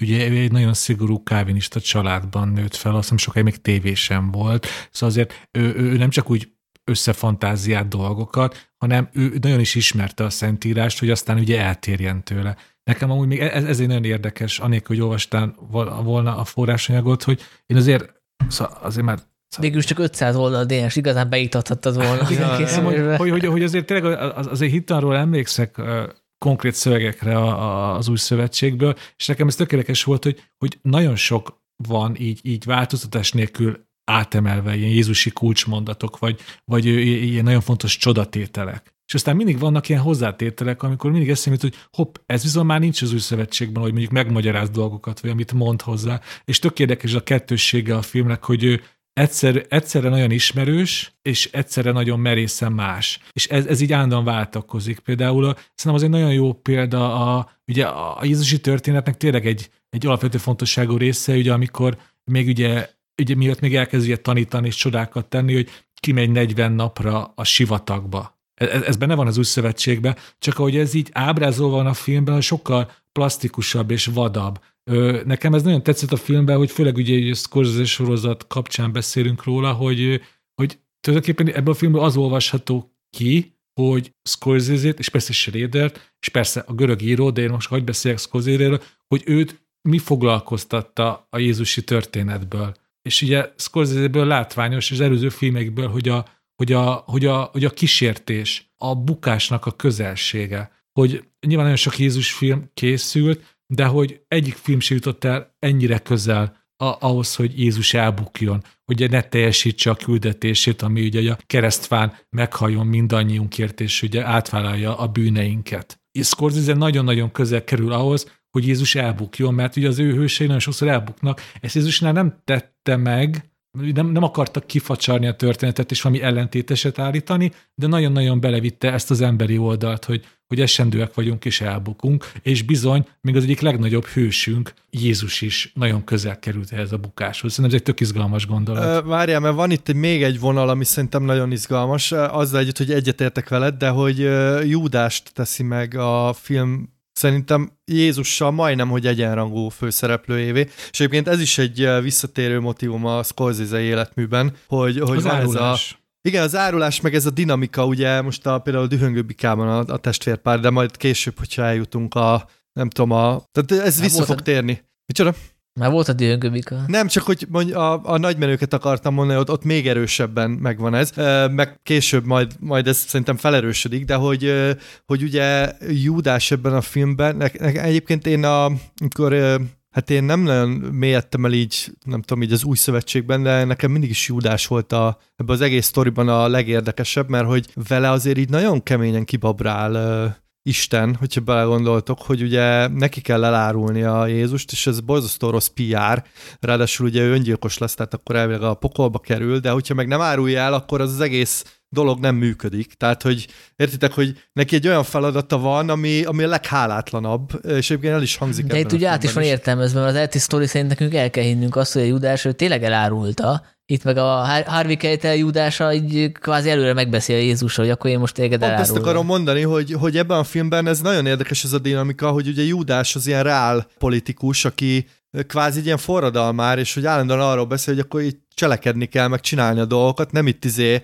ilyen vívódni, itt ilyen teológiai kérdésekkel, meg itt nem tudom, itt maszatolni, hanem, hanem akkor mondd meg, hogy mi legyen, és akkor azt csináljuk. És ugye ez egy tök, tök izgalmas uh, hit kérdés, hogy, uh, hogy igazából ő az, aki a legjobban hisz. Tehát értitek, és uh, szerintem ez egy nagyon ilyen scorsese megoldás, hogy uh, hogy, hogy nagyon illik ezekhez a scorsese hősökhöz, akik nem éppen szimpatikusak, meg, meg nem túl jó dolgokat csinálnak, de iszonyúan hisznek a, a, a küldetésükben. ez... De ezen, ezen nyugodtan még tovább mehetünk, mert és ezt maga ö, a Scorsese Jézusa is elmondja, elismeri, hogy valójában ebben a Jézusi történetben kihozza a legnagyobb áldozatot? Lehet amellett érvelni, hogy Júdás, mert ugye rá fog égni az áruló bélyegre, Igen. ugye nincs, nincs annál ugye borzasztó bélyeg, mint hogyha valaki elárulja a legjobb barátját, nem tudom, a, a, a hitközségét, és ugye másrészt ott van Jézus, aki nyilván órákon át szenvedett a, a, a keresztfán, de abban a hitben, hogy harmadnapra föltámad, és dicsőségesen felvonul az, atya, az atyához a mennyekbe, és ugye egy hosszú távon ugye vallás alapító lesz, és dicsőségesen emlékszik róla a, az emberiség. Ehhez képest Júdás abban a tudatban áldozza fel az életét, hogy őt ilyen gonoszként fog bevonulni ugye a, a, a történelemben, hogy ő az áruló.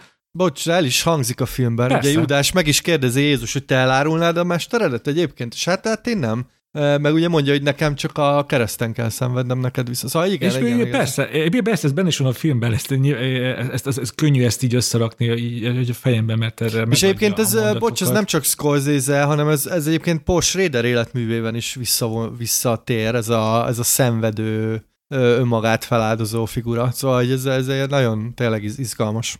Na jó, de itt nem csak a Judás a szenvedő, hanem kvázi megvan kettő ez a szenvedő férfi figura, mert igen, a Jézus igen, is igen. az. És szerintem, ha akárcsak dramaturgiai szempontból nézzük, akkor ez a aspektus a sztorinak, hogy egy emberi Jézus van, ez a leglogikusabb döntés, amit hozhat egy filmkészítő, mert hogyha nem akarsz egy olyan Jézus filmet csinálni, ami ünnepélyes és és, és korrekt, de unalmas, akkor, akkor ezt a lépést meg kell hozni, mert hogyha abból indulunk ki, hogy a, a mi Jézusunk az olyan, mint a Bibliában, hogy kezdettől fogva tudja, hogy hova megy, honnan akar eljutni, hova, tudja, hogy milyen képességei vannak, milyen csodákat tud megcselekedni, akkor az egy tök unalmas sztori, ráadásul a, az ő önfeláldozásának sincs akkora értéke, hogyha tudja, hogy ő föl fog támadni három nap múlva, hogyha neki nincsenek kétségei, akkor van értéke az önfeláldozásának, hogy van egy emberi oldala, és azt az emberi oldalt azt nem akarja elveszteni, és hogyha van egy alternatíva, és hogy döntenie kell a, a feleség, gyerek, család, vagy a, az önfeláldozás közt, és ez ettől lesz izgalmas, ettől lesz élő, hogy egy nem egy olyan Jézus van, aki már előre tudja a forgatókönyvet a fejébe, hanem akinek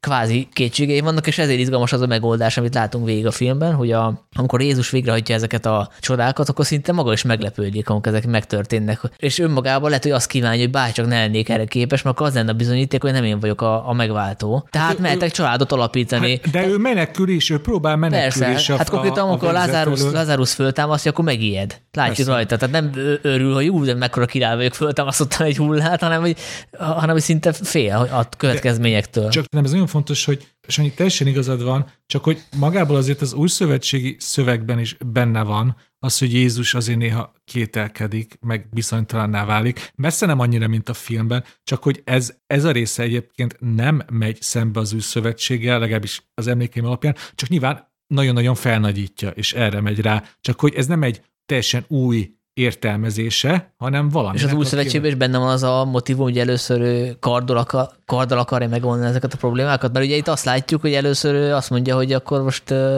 legyünk agresszívak, és nem a békére szavaz, meg a szeretetre, meg arra, hogy tartsd a orcád másik felét is, hanem ő, ő váltogatja a stratégiát. Ennyire nyilván, nyilván nincs benne, hanem ilyen apróságok vannak benne, hogy amikor ugye bemegy Jeruzsálembe, akkor tényleg az evangélium Jézus is emlékeim szerint feldőd, feldődik, és ott azért kiszor pár kereskedőnek a tányérját, hogy, hogy Isten házában nem kereskedünk. Szóval ott van egy ilyen van, van némi agresszió, most te próbálok óvatosan fogalmazni az én emlékeim szerint. Hát meg vannak ilyen bizarr részletek, ilyen dűkezelési problémáim, amikor megátkoz egy bokrot, mert nem ad neki elég árnyat, vagy valami ilyesmi. Tehát van egy ilyen epizód a Bibliában. Na, erre meg én nem emlékszem, csak, de mindezt már elmondtam, csak hogy elmondom még egyszer, hogy, hogy itt azért nem, nincsenek a nulláról kitalálva dolgok, hanem bizonyos új szövetségi gondolatok vannak nagyon erősen felnagyítva. És ezért sértem ezt nagyon, ezt a akkori ezt a nagy botránykeltést. Amit, hát igen, de, de talán az, az mondjuk érdekes, hogy uh, tényleg ez a Superman probléma van szerintem sokszor a Jézus filmekkel, hogy ugye az nem, tényleg nem izgalmas, hogyha hogyha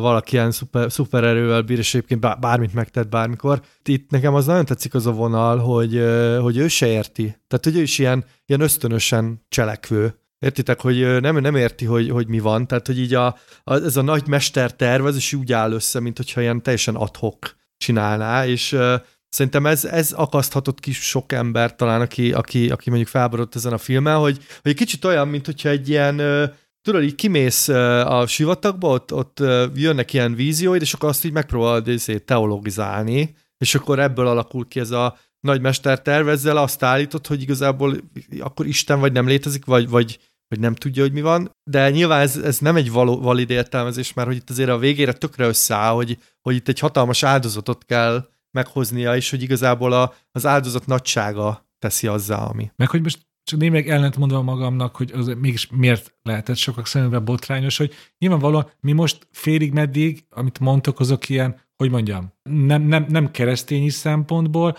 hanem dramaturgiai szempontból nézitek, hogy olyan lehet minél izgalmasabb hőst faragni ugye ellentétekkel, konfliktusokkal, belső dilemákkal Jézusból. De nyilván azért azt is kell látnunk, hogy azért nagyon sok ember, mondjuk, mondjuk ugye, a hívő szempontjából, nem tudom, gyerekként a képes Biblián nőtt fel, aztán ugye olvasta Lukácsot, Jánost, meg a másik két evangélistát. Hát akkor, azt te vagy nem mi, ezek szerint. Hát, és, és akkor ugye e, e, e, ezt, ezt várja viszont egy Jézus filmtől. És ott azért, ott azért nagy a meglepődés. Csak mondom, hogy szerintem ez is egy, nagyon, szerintem ez is egy releváns és érvényes nézőpont, hogy valaki az új szövetségi Jézust várja viszont. Csak Igen, mondom. csak tudod, mi a, mi a, amit én soha nem fogok megérteni, amikor valaki kisajátít egy szimbólumot, és azt állítja, hogy ez csak, a, csak a, az enyém, a jó, és egyébként mindenki, mert hogy a, ugye abban a szimbolikus Jézusban az a nagyon izgalmas, hogyha elmész Dél-Koreába egy keresztény templomba, ami egyébként fel van szentelve, és megfelel a, a vatikáni mindennek, meg a vatikáni egyház része, az ottani Jézus az, az úgy néz ki, mint egy koreai. És ugyanúgy van táj Jézus, meg filippino Jézus, meg hát basszus a, a kékszemű szőke Jézus az, az nyilvánvalóan semmi köze a, a, nem tudom, az első századi Palesztinához, ahol nem hiszem, hogy sok szőke kékszemű de ember mászkált. Szóval érted, mit mondok, hogy, hogy van egy Jézus kép, ami, amit te azt mondod, hogy az új szövetség Jézus képe, de az sem egységes, hát basszus mindenki koroktól függően, és egyébként attól függően, hogy éppen hol és mikor él, állandóan változik. Tehát, hogy, hogy én nem értem ezt a fajta ilyen annyira merev, ízét, hogy még tolerálni sem bírod, hogy esetleg egy görög írónak, vagy Martin Scorsese-nek egy másik szimbolikus Jézus képe ja, van. bocsánat, ne érts félre, én nem csak, hogy tolerálra, hanem szeretem Scorsese-nek az értelmezését, és amiről beszélet, hogy, hogy kultúrákon, korokon átívelően mindig kicsit máshogy nézett ki, Jézus. Hát nyilvánvalóan, amikor majd eljutunk a némasságig, ugye Scorsese-nek egy másik fontos Igen. vallási filmig, ott, ez, ott meddig ez erről szól, hogy a jezsuiták megérkeznek Japánba, és kicsit a, a japánok képére is formálódik a katolikus vallás, hogy azt ott terjeszthetni lehessen, erről majd ott beszélgetünk. Én csak arról beszéltem, hogy, hogy azért van ez a, ez a hívő nézőpont is, ami, ami, ami aztán nagyon meg fog azért lepődni, nekem is gondolom én, de... Hát lehet, de egyébként most már szerintem ennél radikálisabb értelmezések is vannak. Én azt hiszem egyszer ajánlottam nektek a Reza Azlannak a Zelóta című könyvét, amit hogyha akkor Dénes ajánlom neked, hogyha te már egy ennyire benne vagy. Ez a Reza Azlan, ő egy vallástudós, aki egyébként hívő keresztény vallástudós, és megpróbálta egyrészt szétválasztja ezt a történelmi Jézust és a, a szimbólumot, és megpróbálja kihámozni, hogy mit lehet tudni a történelmi Jézusról. Tehát mik, azok a dolgok, amiket biztosan lehet tudni, és azt mondja, hogy kettő dolgot lehet tudni, hogy volt egy Jézus nevű ember, akit megkeresztelt keresztelő Szent János, és akit a rómaiak keresztre feszítettek, és ő áttekinti a, a korabeli Judea viszonyait, ugye Judea abban a korban egy ilyen nagyon forrongó terület volt, ahol nem csak a római elnyomás volt a probléma, hanem az, hogy a zsidó társadalom nagyon fragmentált volt, és akkor teljesen szét volt szakadva, ugye volt a, a templom, meg a templom körüli dolgok, stb. stb. mindegy. A lényeg, hogy ő tökre szépen levezeti, hogy, hogy ami valószínű, hogy, hogy Jézus egy, egy, egy forradalmár volt ebből a korból, voltak mellette szintén más politikai mozgalmak, és valószínűleg tényleg bement a templomba, és felrugdosta az izéket, ez, ez valószínűleg megtörtént, de ami az izgalmas, hogy ugye a, amikor elkezdtek róla írni, 30-40-100 évvel később, akkor már az annak a kornak a politikai klímájában írtak, és ö, olyan dolgokat emeltek ki ebből a sztoriból, meg olyan dolgokat hagytak el, ami az akkori érdekeiket szolgálta, ezért nem, nem tudod ezeket már így visszafejteni, tehát amit Scorsese is csinál, ahogy ábrázolja, amúgy szerintem tök izgalmasan, hogy, hogy milyen volt Jézusnak ez az emberi oldala, hogy milyen, milyen falvakban mozgott, milyenek voltak a követői, azok hogy szóltak hozzá, ez, ez legalább annyira mondhatod, hogy valid, mint, mint bármelyik másik értelmezés, mert egyszer nem tudod, de nem, nem tudsz vele már mit csinálni. Ja, persze, hát ez teljesen egyértelmű számomra is. Csak egy gyors megjegyzés, hogy te, te úgy választod ketté, hogy, hogy van a történeti Jézus, meg a, hogy mondod, a szimbolikus Jézus, ugye, aki ugye egyszerre isteni és emberi. Hát igen, egy, fontos... egy vallási szimbólum. Mítikus Jézus. Csak a, annyit akarok hozzátenni, hogyha bocsánat, csak gondoltam, akkor most én elkezdem itt képviselni, pedig hát szerintem nem vagyok rá jogosult a hívő nézőpontot, hogy ez nagyon sok millió embernek, ez nem egy szimbolikus Jézus, hanem egy teljesen valóságos lény. Vagyis az ő hitrendszerük szerint. Ez több, több mint egy szimbólum. Érted, amit mondok, Zoli? Igen, igen, de érted, amit, amit én mondok, hogy, hogy ebben ja, a filmben is, is hogy ebben a filmben is az van, csak érted, attól, hogy, hogy mondjuk van felesége, meg meg az utolsó vacsorán látunk nőket, ezt tudom, hogy sok embert felháborít, mert hogy el nem tudja képzelni, de, de hogy egyébként meg ha belegondolsz, akkor, akkor ez teljesen ugyanolyan védhető, mint az, hogy nincsenek ott nők. Érted? Most ez kidönti el, hogy tehát, hogy nekem, nekem nagyon tetszik, a, a, amit a Scorsese csinál, több, több szinten is. Meg, meg nyilván az író, meg nem olvastam a könyvet, szóval nem tudom, hogy abban mi van, de ahogy ez az egész ábrázolva van, azt hiszem nagyon izgalmas. Tehát, hogy nyilván uh, provokatív is valahol, de... Nekem, nekem azért, bocsánat, nekem én például az egészben a legprovokálóbb amúgy az volt, hogy Harvey Keitel játsza egy udást ilyen vörös ö, göndörhajjal, Mert... hogy hát annyi, hogy én Harvey Keitelt így, így kb tényleg egy ilyen ö, New Yorki közegbe tudom, ami nagyvárosi közegbe tudom elképzelni, mint színész nekem. Én szerintem most láttam először így egybe ezt a filmet, és, és így sokkoló volt Harvey Keitelt Izraelbe látni. Tudod, hogy Harry Keitel zsidó, tehát hogy... Ő ne, ezt ne, például ezt nem tudtam. Ő szerintem nyugodtan játszhat egy, egy izraelitát. Tehát, ja, persze, persze nyugodtan játszhat, csak érted, ez az én benyomásom, hogy én Harry Keitelt nagyon elkönyveltem egy ilyen... William Defoe is az? Egy ilyen nagy dumás... De azt akkor mondok egy triviát, a, azt nem tudom, tudod-e, hogy Harry Keitel direkt egy nagyon sztereotíp zsidót akart játszani, és ő kérte, hogy böngyöri haja legyen, és az orra is egy kicsit megvan. Hát mi ez a, mi ez a jó szó? Horgasítva. És amikor... E, e, e, Protézis. És amikor eljutottunk odáig, hogy Poncius Pilátus, David Bowie játszón, akkor ott már így fel se szaladt a szemöldököm. Azt mondtam, hogy ez igen Scorsese. Ő hát ugye Sting, te, Sting lett volna az első verzióban, és uh, ugye visszalépett, és a helyette jött a David Bowie, és szerintem nagyon jó a, a Bowie a szerepben. Egyébként az eredeti castingnak a többség az visszajött, hát pont a főszerepről nem, tehát a Adrian Queen volt azt hiszem az első választás, és akkor helyére jött William Defoe, de egyébként szóba került még például elteg Mel Gibson is, bár azt, azt nem tudom, hogy ez mennyire valid ez a pletyka, de aki biztos az a Christopher Walken, ami érdekes megoldás lett volna, mert szerintem az ő beszélés stílusa az egy kicsit kilógott volna, és ebből a szempontból William Defoe tök jó választás, mert hogy ő világos szeme van, tehát hogy megfelel annak a Jézus képnek. Ugye Echo 32 volt, tehát nem a, ne a idő, idősebb Defoe ugorjon be róla, de hogy az ő arcában van valamilyen kis Hát érzékenység, egy, ami igen, tehát,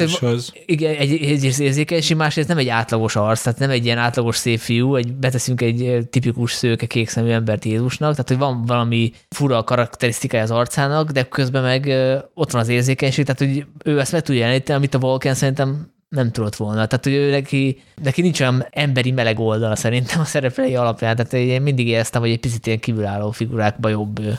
De hát azt már nem, nem tudjuk meg soha. Viszont visszatérve arra, hogy a Harvey Keitel egy New Yorki zsidóként játszik pont uh, Judást, hogy azért némileg ez koncepció is volt, tehát a Scorsese-nek konkrétan voltak olyan fiatalkori tervei, hogy ő akart egy ilyen kortárs Jézus filmet, ami ott játszott van New Yorkba, és ott uh, kortárs ruhákba szerepeltek volna a, a színészek, és uh, ugye itt is az volt az egyik fő feladat a adaptáció során, hogy a a regénynek a szövegét, illetve a Schrader forgatókönyvének a szövegét, azt egy picit köznyelvesíteni, mert az egy nagyon nehéz. A regényt azt nyilván görögből fordították angolra, és az kicsit nehézkesnek érezte a, a Scorsese, és ezért az volt a terve a, a, az átírás során, hogy ezt picit hozzuk közelebb a, a hétköznapi nyelvhez, és ezért ne legyen olyan ünnepélyes, és ezért is kellett átdolgozni a, a, a Schradernek a, a forgatókönyvét, és hát ehhez azért jól jöttek ezek a New Yorki színészek. Nekem a Kate esetében nem volt problémád? Nem volt problémám, de utána később az utolsó életben bejön a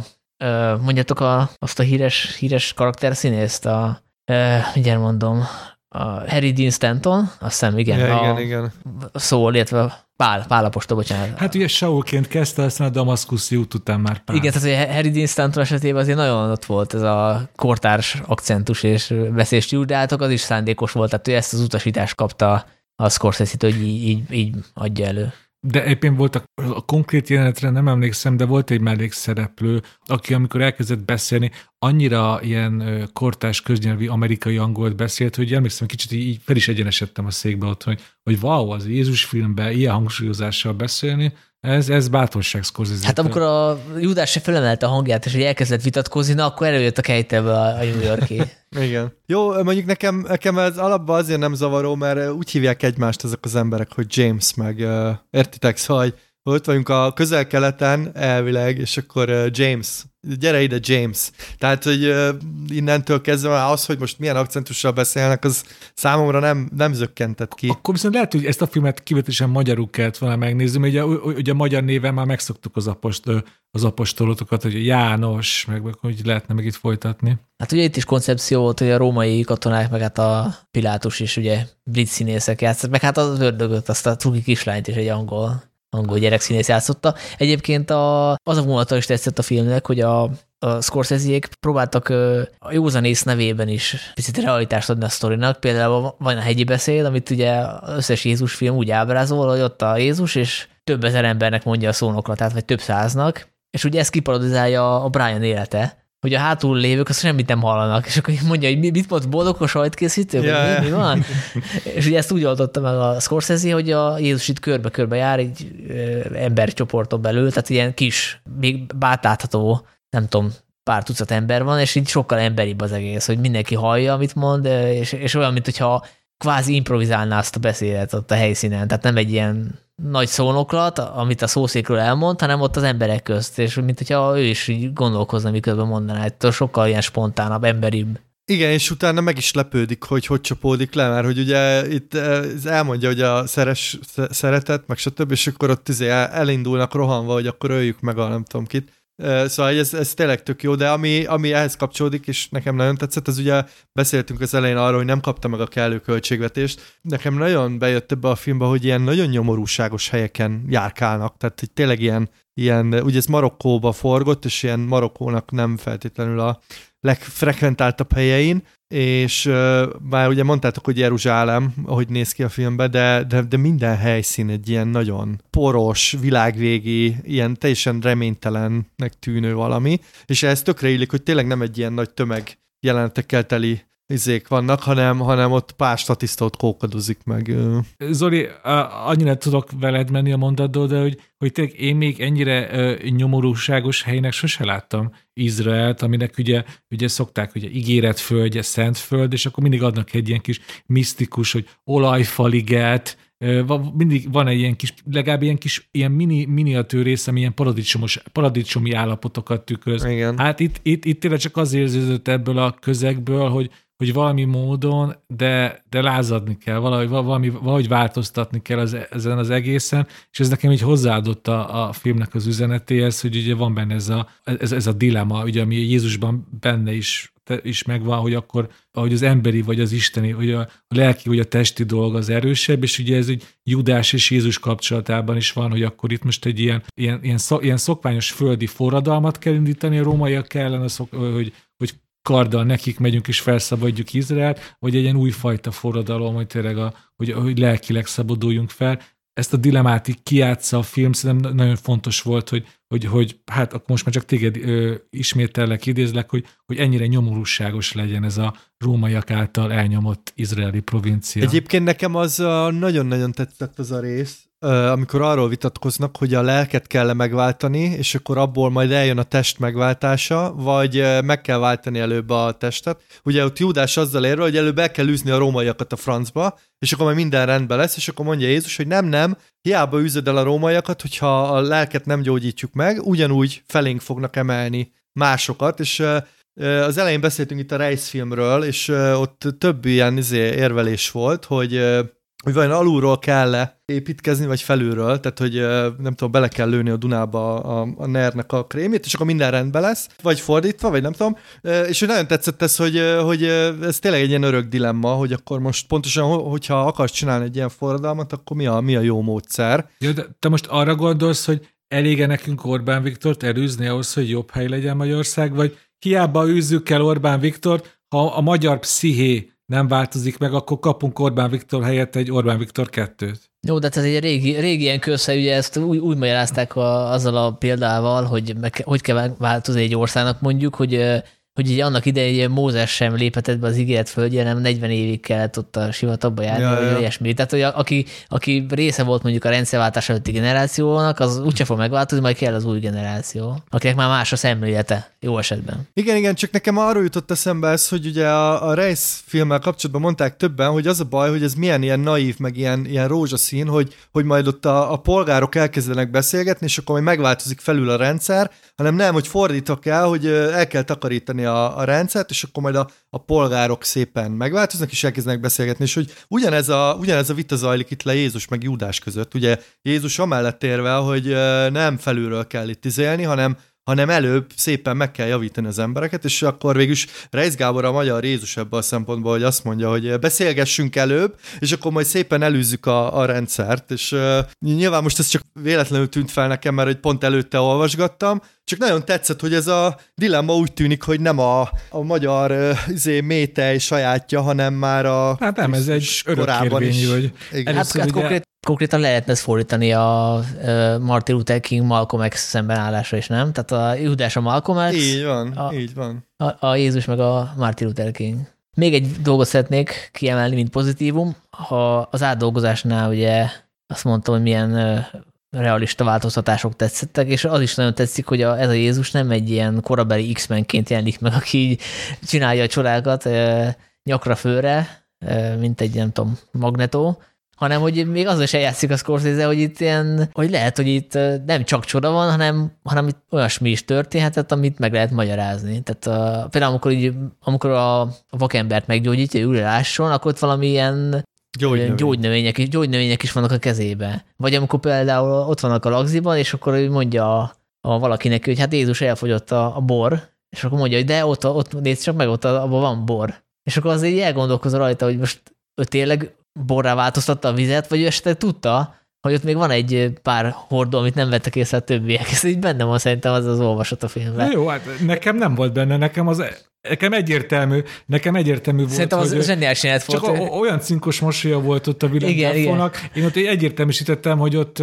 hogy csettintett egyet Willem Defoe által mögött, hogy, hogy átváltoztassa a vizet borrá. És így nyilvánvalóan ez a két értelműség, ez így kimegy az ablakon, amikor föltámasztja a Lázárt, mert hogy azt hát már nem lehet. a fület, meg igen. Igen, tehát hogy ez, nyilván ezzel végtelenség nem lehet játszani, de hát ugye születtek ilyen fajta megfejtések a valóban élt Jézusra kapcsolatban, és hogy megpróbálták megmagyarázni hogy ő hogyan tudta ezeket a csodákat véghez vinni, és így próbáltak racionális magyarázatot találni rá. Hát meg ugye azt, azt hogyha akarsz csodákat csinálni, ezt mai napig lehet, szóval a, a bűvészek ebbe azért elég jók, mert ugye van egy csomó olyan trükk, amivel látszólag csodát tudsz tenni, meg a szuggesztiónak nagy ereje van, és akkor most itt visszakanyarodhatnánk a, az ördögűzéshez, hogy, hogy be lehet az embereket úgy szuggerálni, hogy látszólag természetfeletti dolgokat csináljanak, de ez, ez a vonulata nekem is nagyon tetszett. Ott a, én pont, igen, pont a bornál gondolkoztam, hogy ez egy kurva jó trükk, hogy, hogy észreveszed, hogy van még, és úgy teszel, mintha te csináltad volna, szóval ez tényleg jó. Hát oké, okay, csak amit a Sanyi mond, azért az fontos, hogy az azért Lázárt feltámasztani a legnagyobb bűvése tudná, szóval az előbb-utóbb el kell fogadnunk. De azért a, az első században, vagyis hát a nulla körül, az az orvostudomány és a halál megállapítás, halál időpont, vagy a, a klinikai halál állapotának megállapítása még gyerekcipőben járt, szóval most nem akarok itt ilyen izének tűnni, tehát hogy ilyen kétségbe vonom, mert hogy szerintem a, a, ezek a, a csodák, ezek nyilván hitbeli kérdések, tehát hogy, hogy most ezt elhiszed vagy nem, az, az, az szerintem te, racionálisan teljesen felesleges vitatkozni rajta. Tehát, hogy ez vagy, vagy elhiszed, vagy nem, vagy fontos neked vagy nem. De mindesetre én most már rájöttem, hogy megnéznék egy ilyen Myth, Mythbusters adást az Olival az új szövetségről. Azt hiszem, hogy voltam úgy, vagy, vagy valami, ja, nekem valami igen. rémlik, hogy vala, valamiket már itt, itt próbáltak, de azért mondjuk én a Lázár feltámasztásánál egy picit nevettem, mert hogy ott azért tesz egy ilyen ilyen ninjás mozdulatot, azt nem tudom, az... Igen, az nekem is föltött, föl is írtam a jegyzeteim közé. Kicsit ilyen too much volt, de... A kedvenc jelenetemet kiemelném, és akkor is mondhatjátok, hogy nektek is van hasonló, de hogy ugyanez lesz, hogy amikor a Jézus viszi a saját keresztjét, és lassítva megy, és ugye azt látjuk, hogy ott előtte, meg mögötte és emberek vannak, akik közt vannak olyanok, akik kárővendően mosolyognak, ilyen nagyon kaján, nagyon gonoszul, ami kvázi helyettesíti azt a, bibliai jelenetet, ami itt kimaradt, amikor ugye a Pilátus megkérdezi az embereket, hogy akkor Jézus vagy Barabás mentsük meg, és akkor ott válik világossá az olvasónak, hogy, hogy itt szembefordulnak az emberek a Jézussal, vagy hát ugye a hivatalos magyarázat szerint mindenki azt akarja mondani, hogy Jézus, de mégis az önkeszálljuk, hogy Barabás. De szóval az emberek Jézussal kapcsolatos ellenszemve, vagy bizonyos emberek ellenszenve, az itt megnyilvánul ezeken a nagyon kifejező arcokon, és a Scorsese elmondta, hogy ezt a jelenetet a Hieronymus Bosnak a festményei inspirálták, oh. tehát hogy neki vannak ilyen, ilyen kompozíciói, és ugye itt az a lényeg, hogy ugye a Jézus előtt közvetlenül az előtérben, meg mögött is ott vannak arcok, és ez ilyen erős háromdimenziós hatást kelt, és ezt úgy tudták elérni,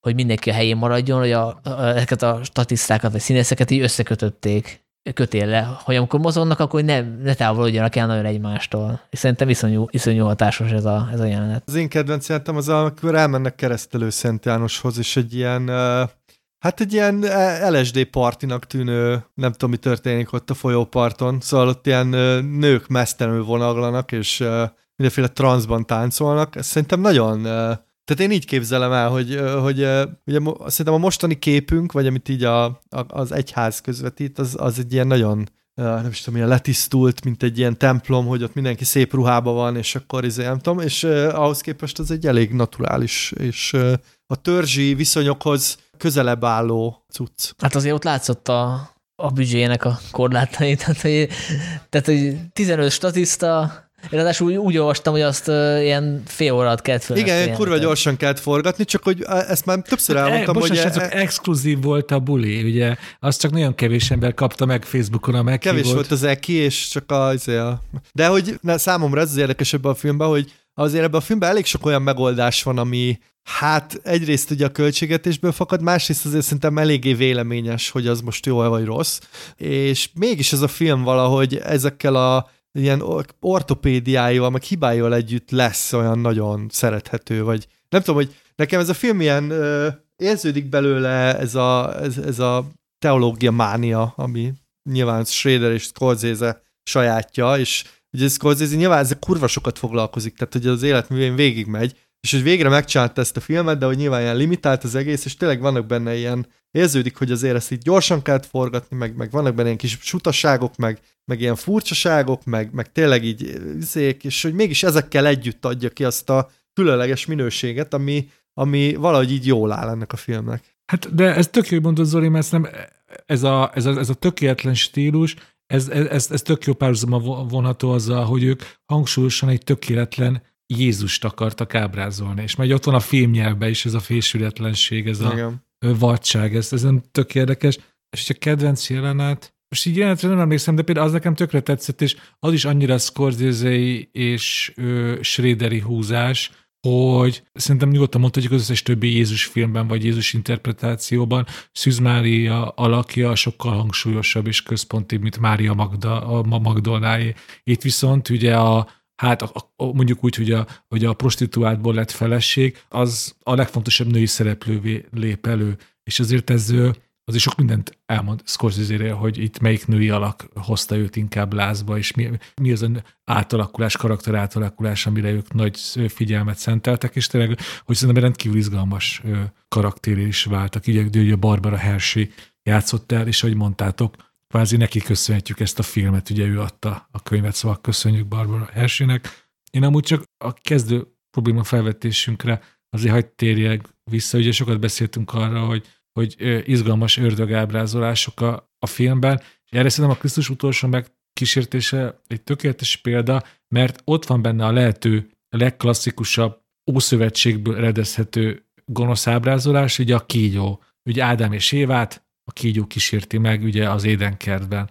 Van ez a nagyon klasszikus, és ő, ahhoz képest meg ott van ez a, ez, ez, ez a nagyon modern, hogy ő állarcot ölt az ördög, és bizalmába férkőzik az embernek, és ugye becsapja. Ez meg ugye a lehető legártatlanabb állarcot ölti egy kedves mosolygó kislányét. Ez nekem nagyon tetszik, ez a kettősség is, hogy... De ugye van kígyó ördög is, meg, meg oroszlán is, meg, meg a tűz is az ördögöt jelzi. Ja, a tű, igen, persze a, a tűz, igen, igen, csak most ugye a, a két végpontot akartam elmondani, ugye a legklasszikusabb a, a kígyó, és a, a lehető legmodernebb ugye ez a, ez a kislány. Amúgy Scorsese az azt mondta, hogy a kígyó az a szex. Tehát, hogy azért beszél a kígyó Mária Magdolna, Mária Magdolna hangján, hangján, és hogy ez egy ilyen, és hogy a, csak mondtad ezt a nőábrázolást, ugye erről már többször beszéltünk, ez a Scorsese-nél visszatérő kurva versus szent problematika. Ami, amit azért valószínűleg a feministák annyira nem örülnek neki, de ja, itt, itt elég, elég konkrét. Az utolsó epizódról még nem beszéltünk, csak így röviden, hogy amikor ugye Jézus ott van a kereszten, és megjelenik az angyal, akiről kiderül, hogy ördög, hogy ő megmutat neki egy víziót, hogy az egyértelmű, hogy egy vízió, vagy, vagy Jézus leír egy teljes életet, és akkor egy időutazásra visszamegy a keresztre. Nekem amúgy a... inkább az utóbbi. Én, én, én ezt egy ilyen álomként, vízióként kezdtem el nézni, és amikor aztán szépen megjelenek benne az apostolok, ugye Saul is ugye mondtad, hogy ott is ott van, akkor nekem átbillent, hogy, hogy, hogy, hogy ez több egy álomnál, mint hogyha, nem tudom, mint hogyha, tudjátok, mint a Sliders című sorozatban, hogy különböző dimenziók igen, igen. vannak, ilyen kapukon lehet különböző dimenziókba átlépni párhuzamos világokba, és ez nekem már inkább olyannak tűnt. Igen, és ez az a probléma, hogy így viszont a, a döntésének nem. már nem lesz akkora jelentősége, hiszen ő konkrétan leélt egy teljes életet feleséget gyerekekkel, és utána menni vissza, miután már megvolt az élmény, meg amit akart. Érted? Hát de akkor mondhatod, hogy, hogy akkor Isten valójában kegyes tehát, hogy...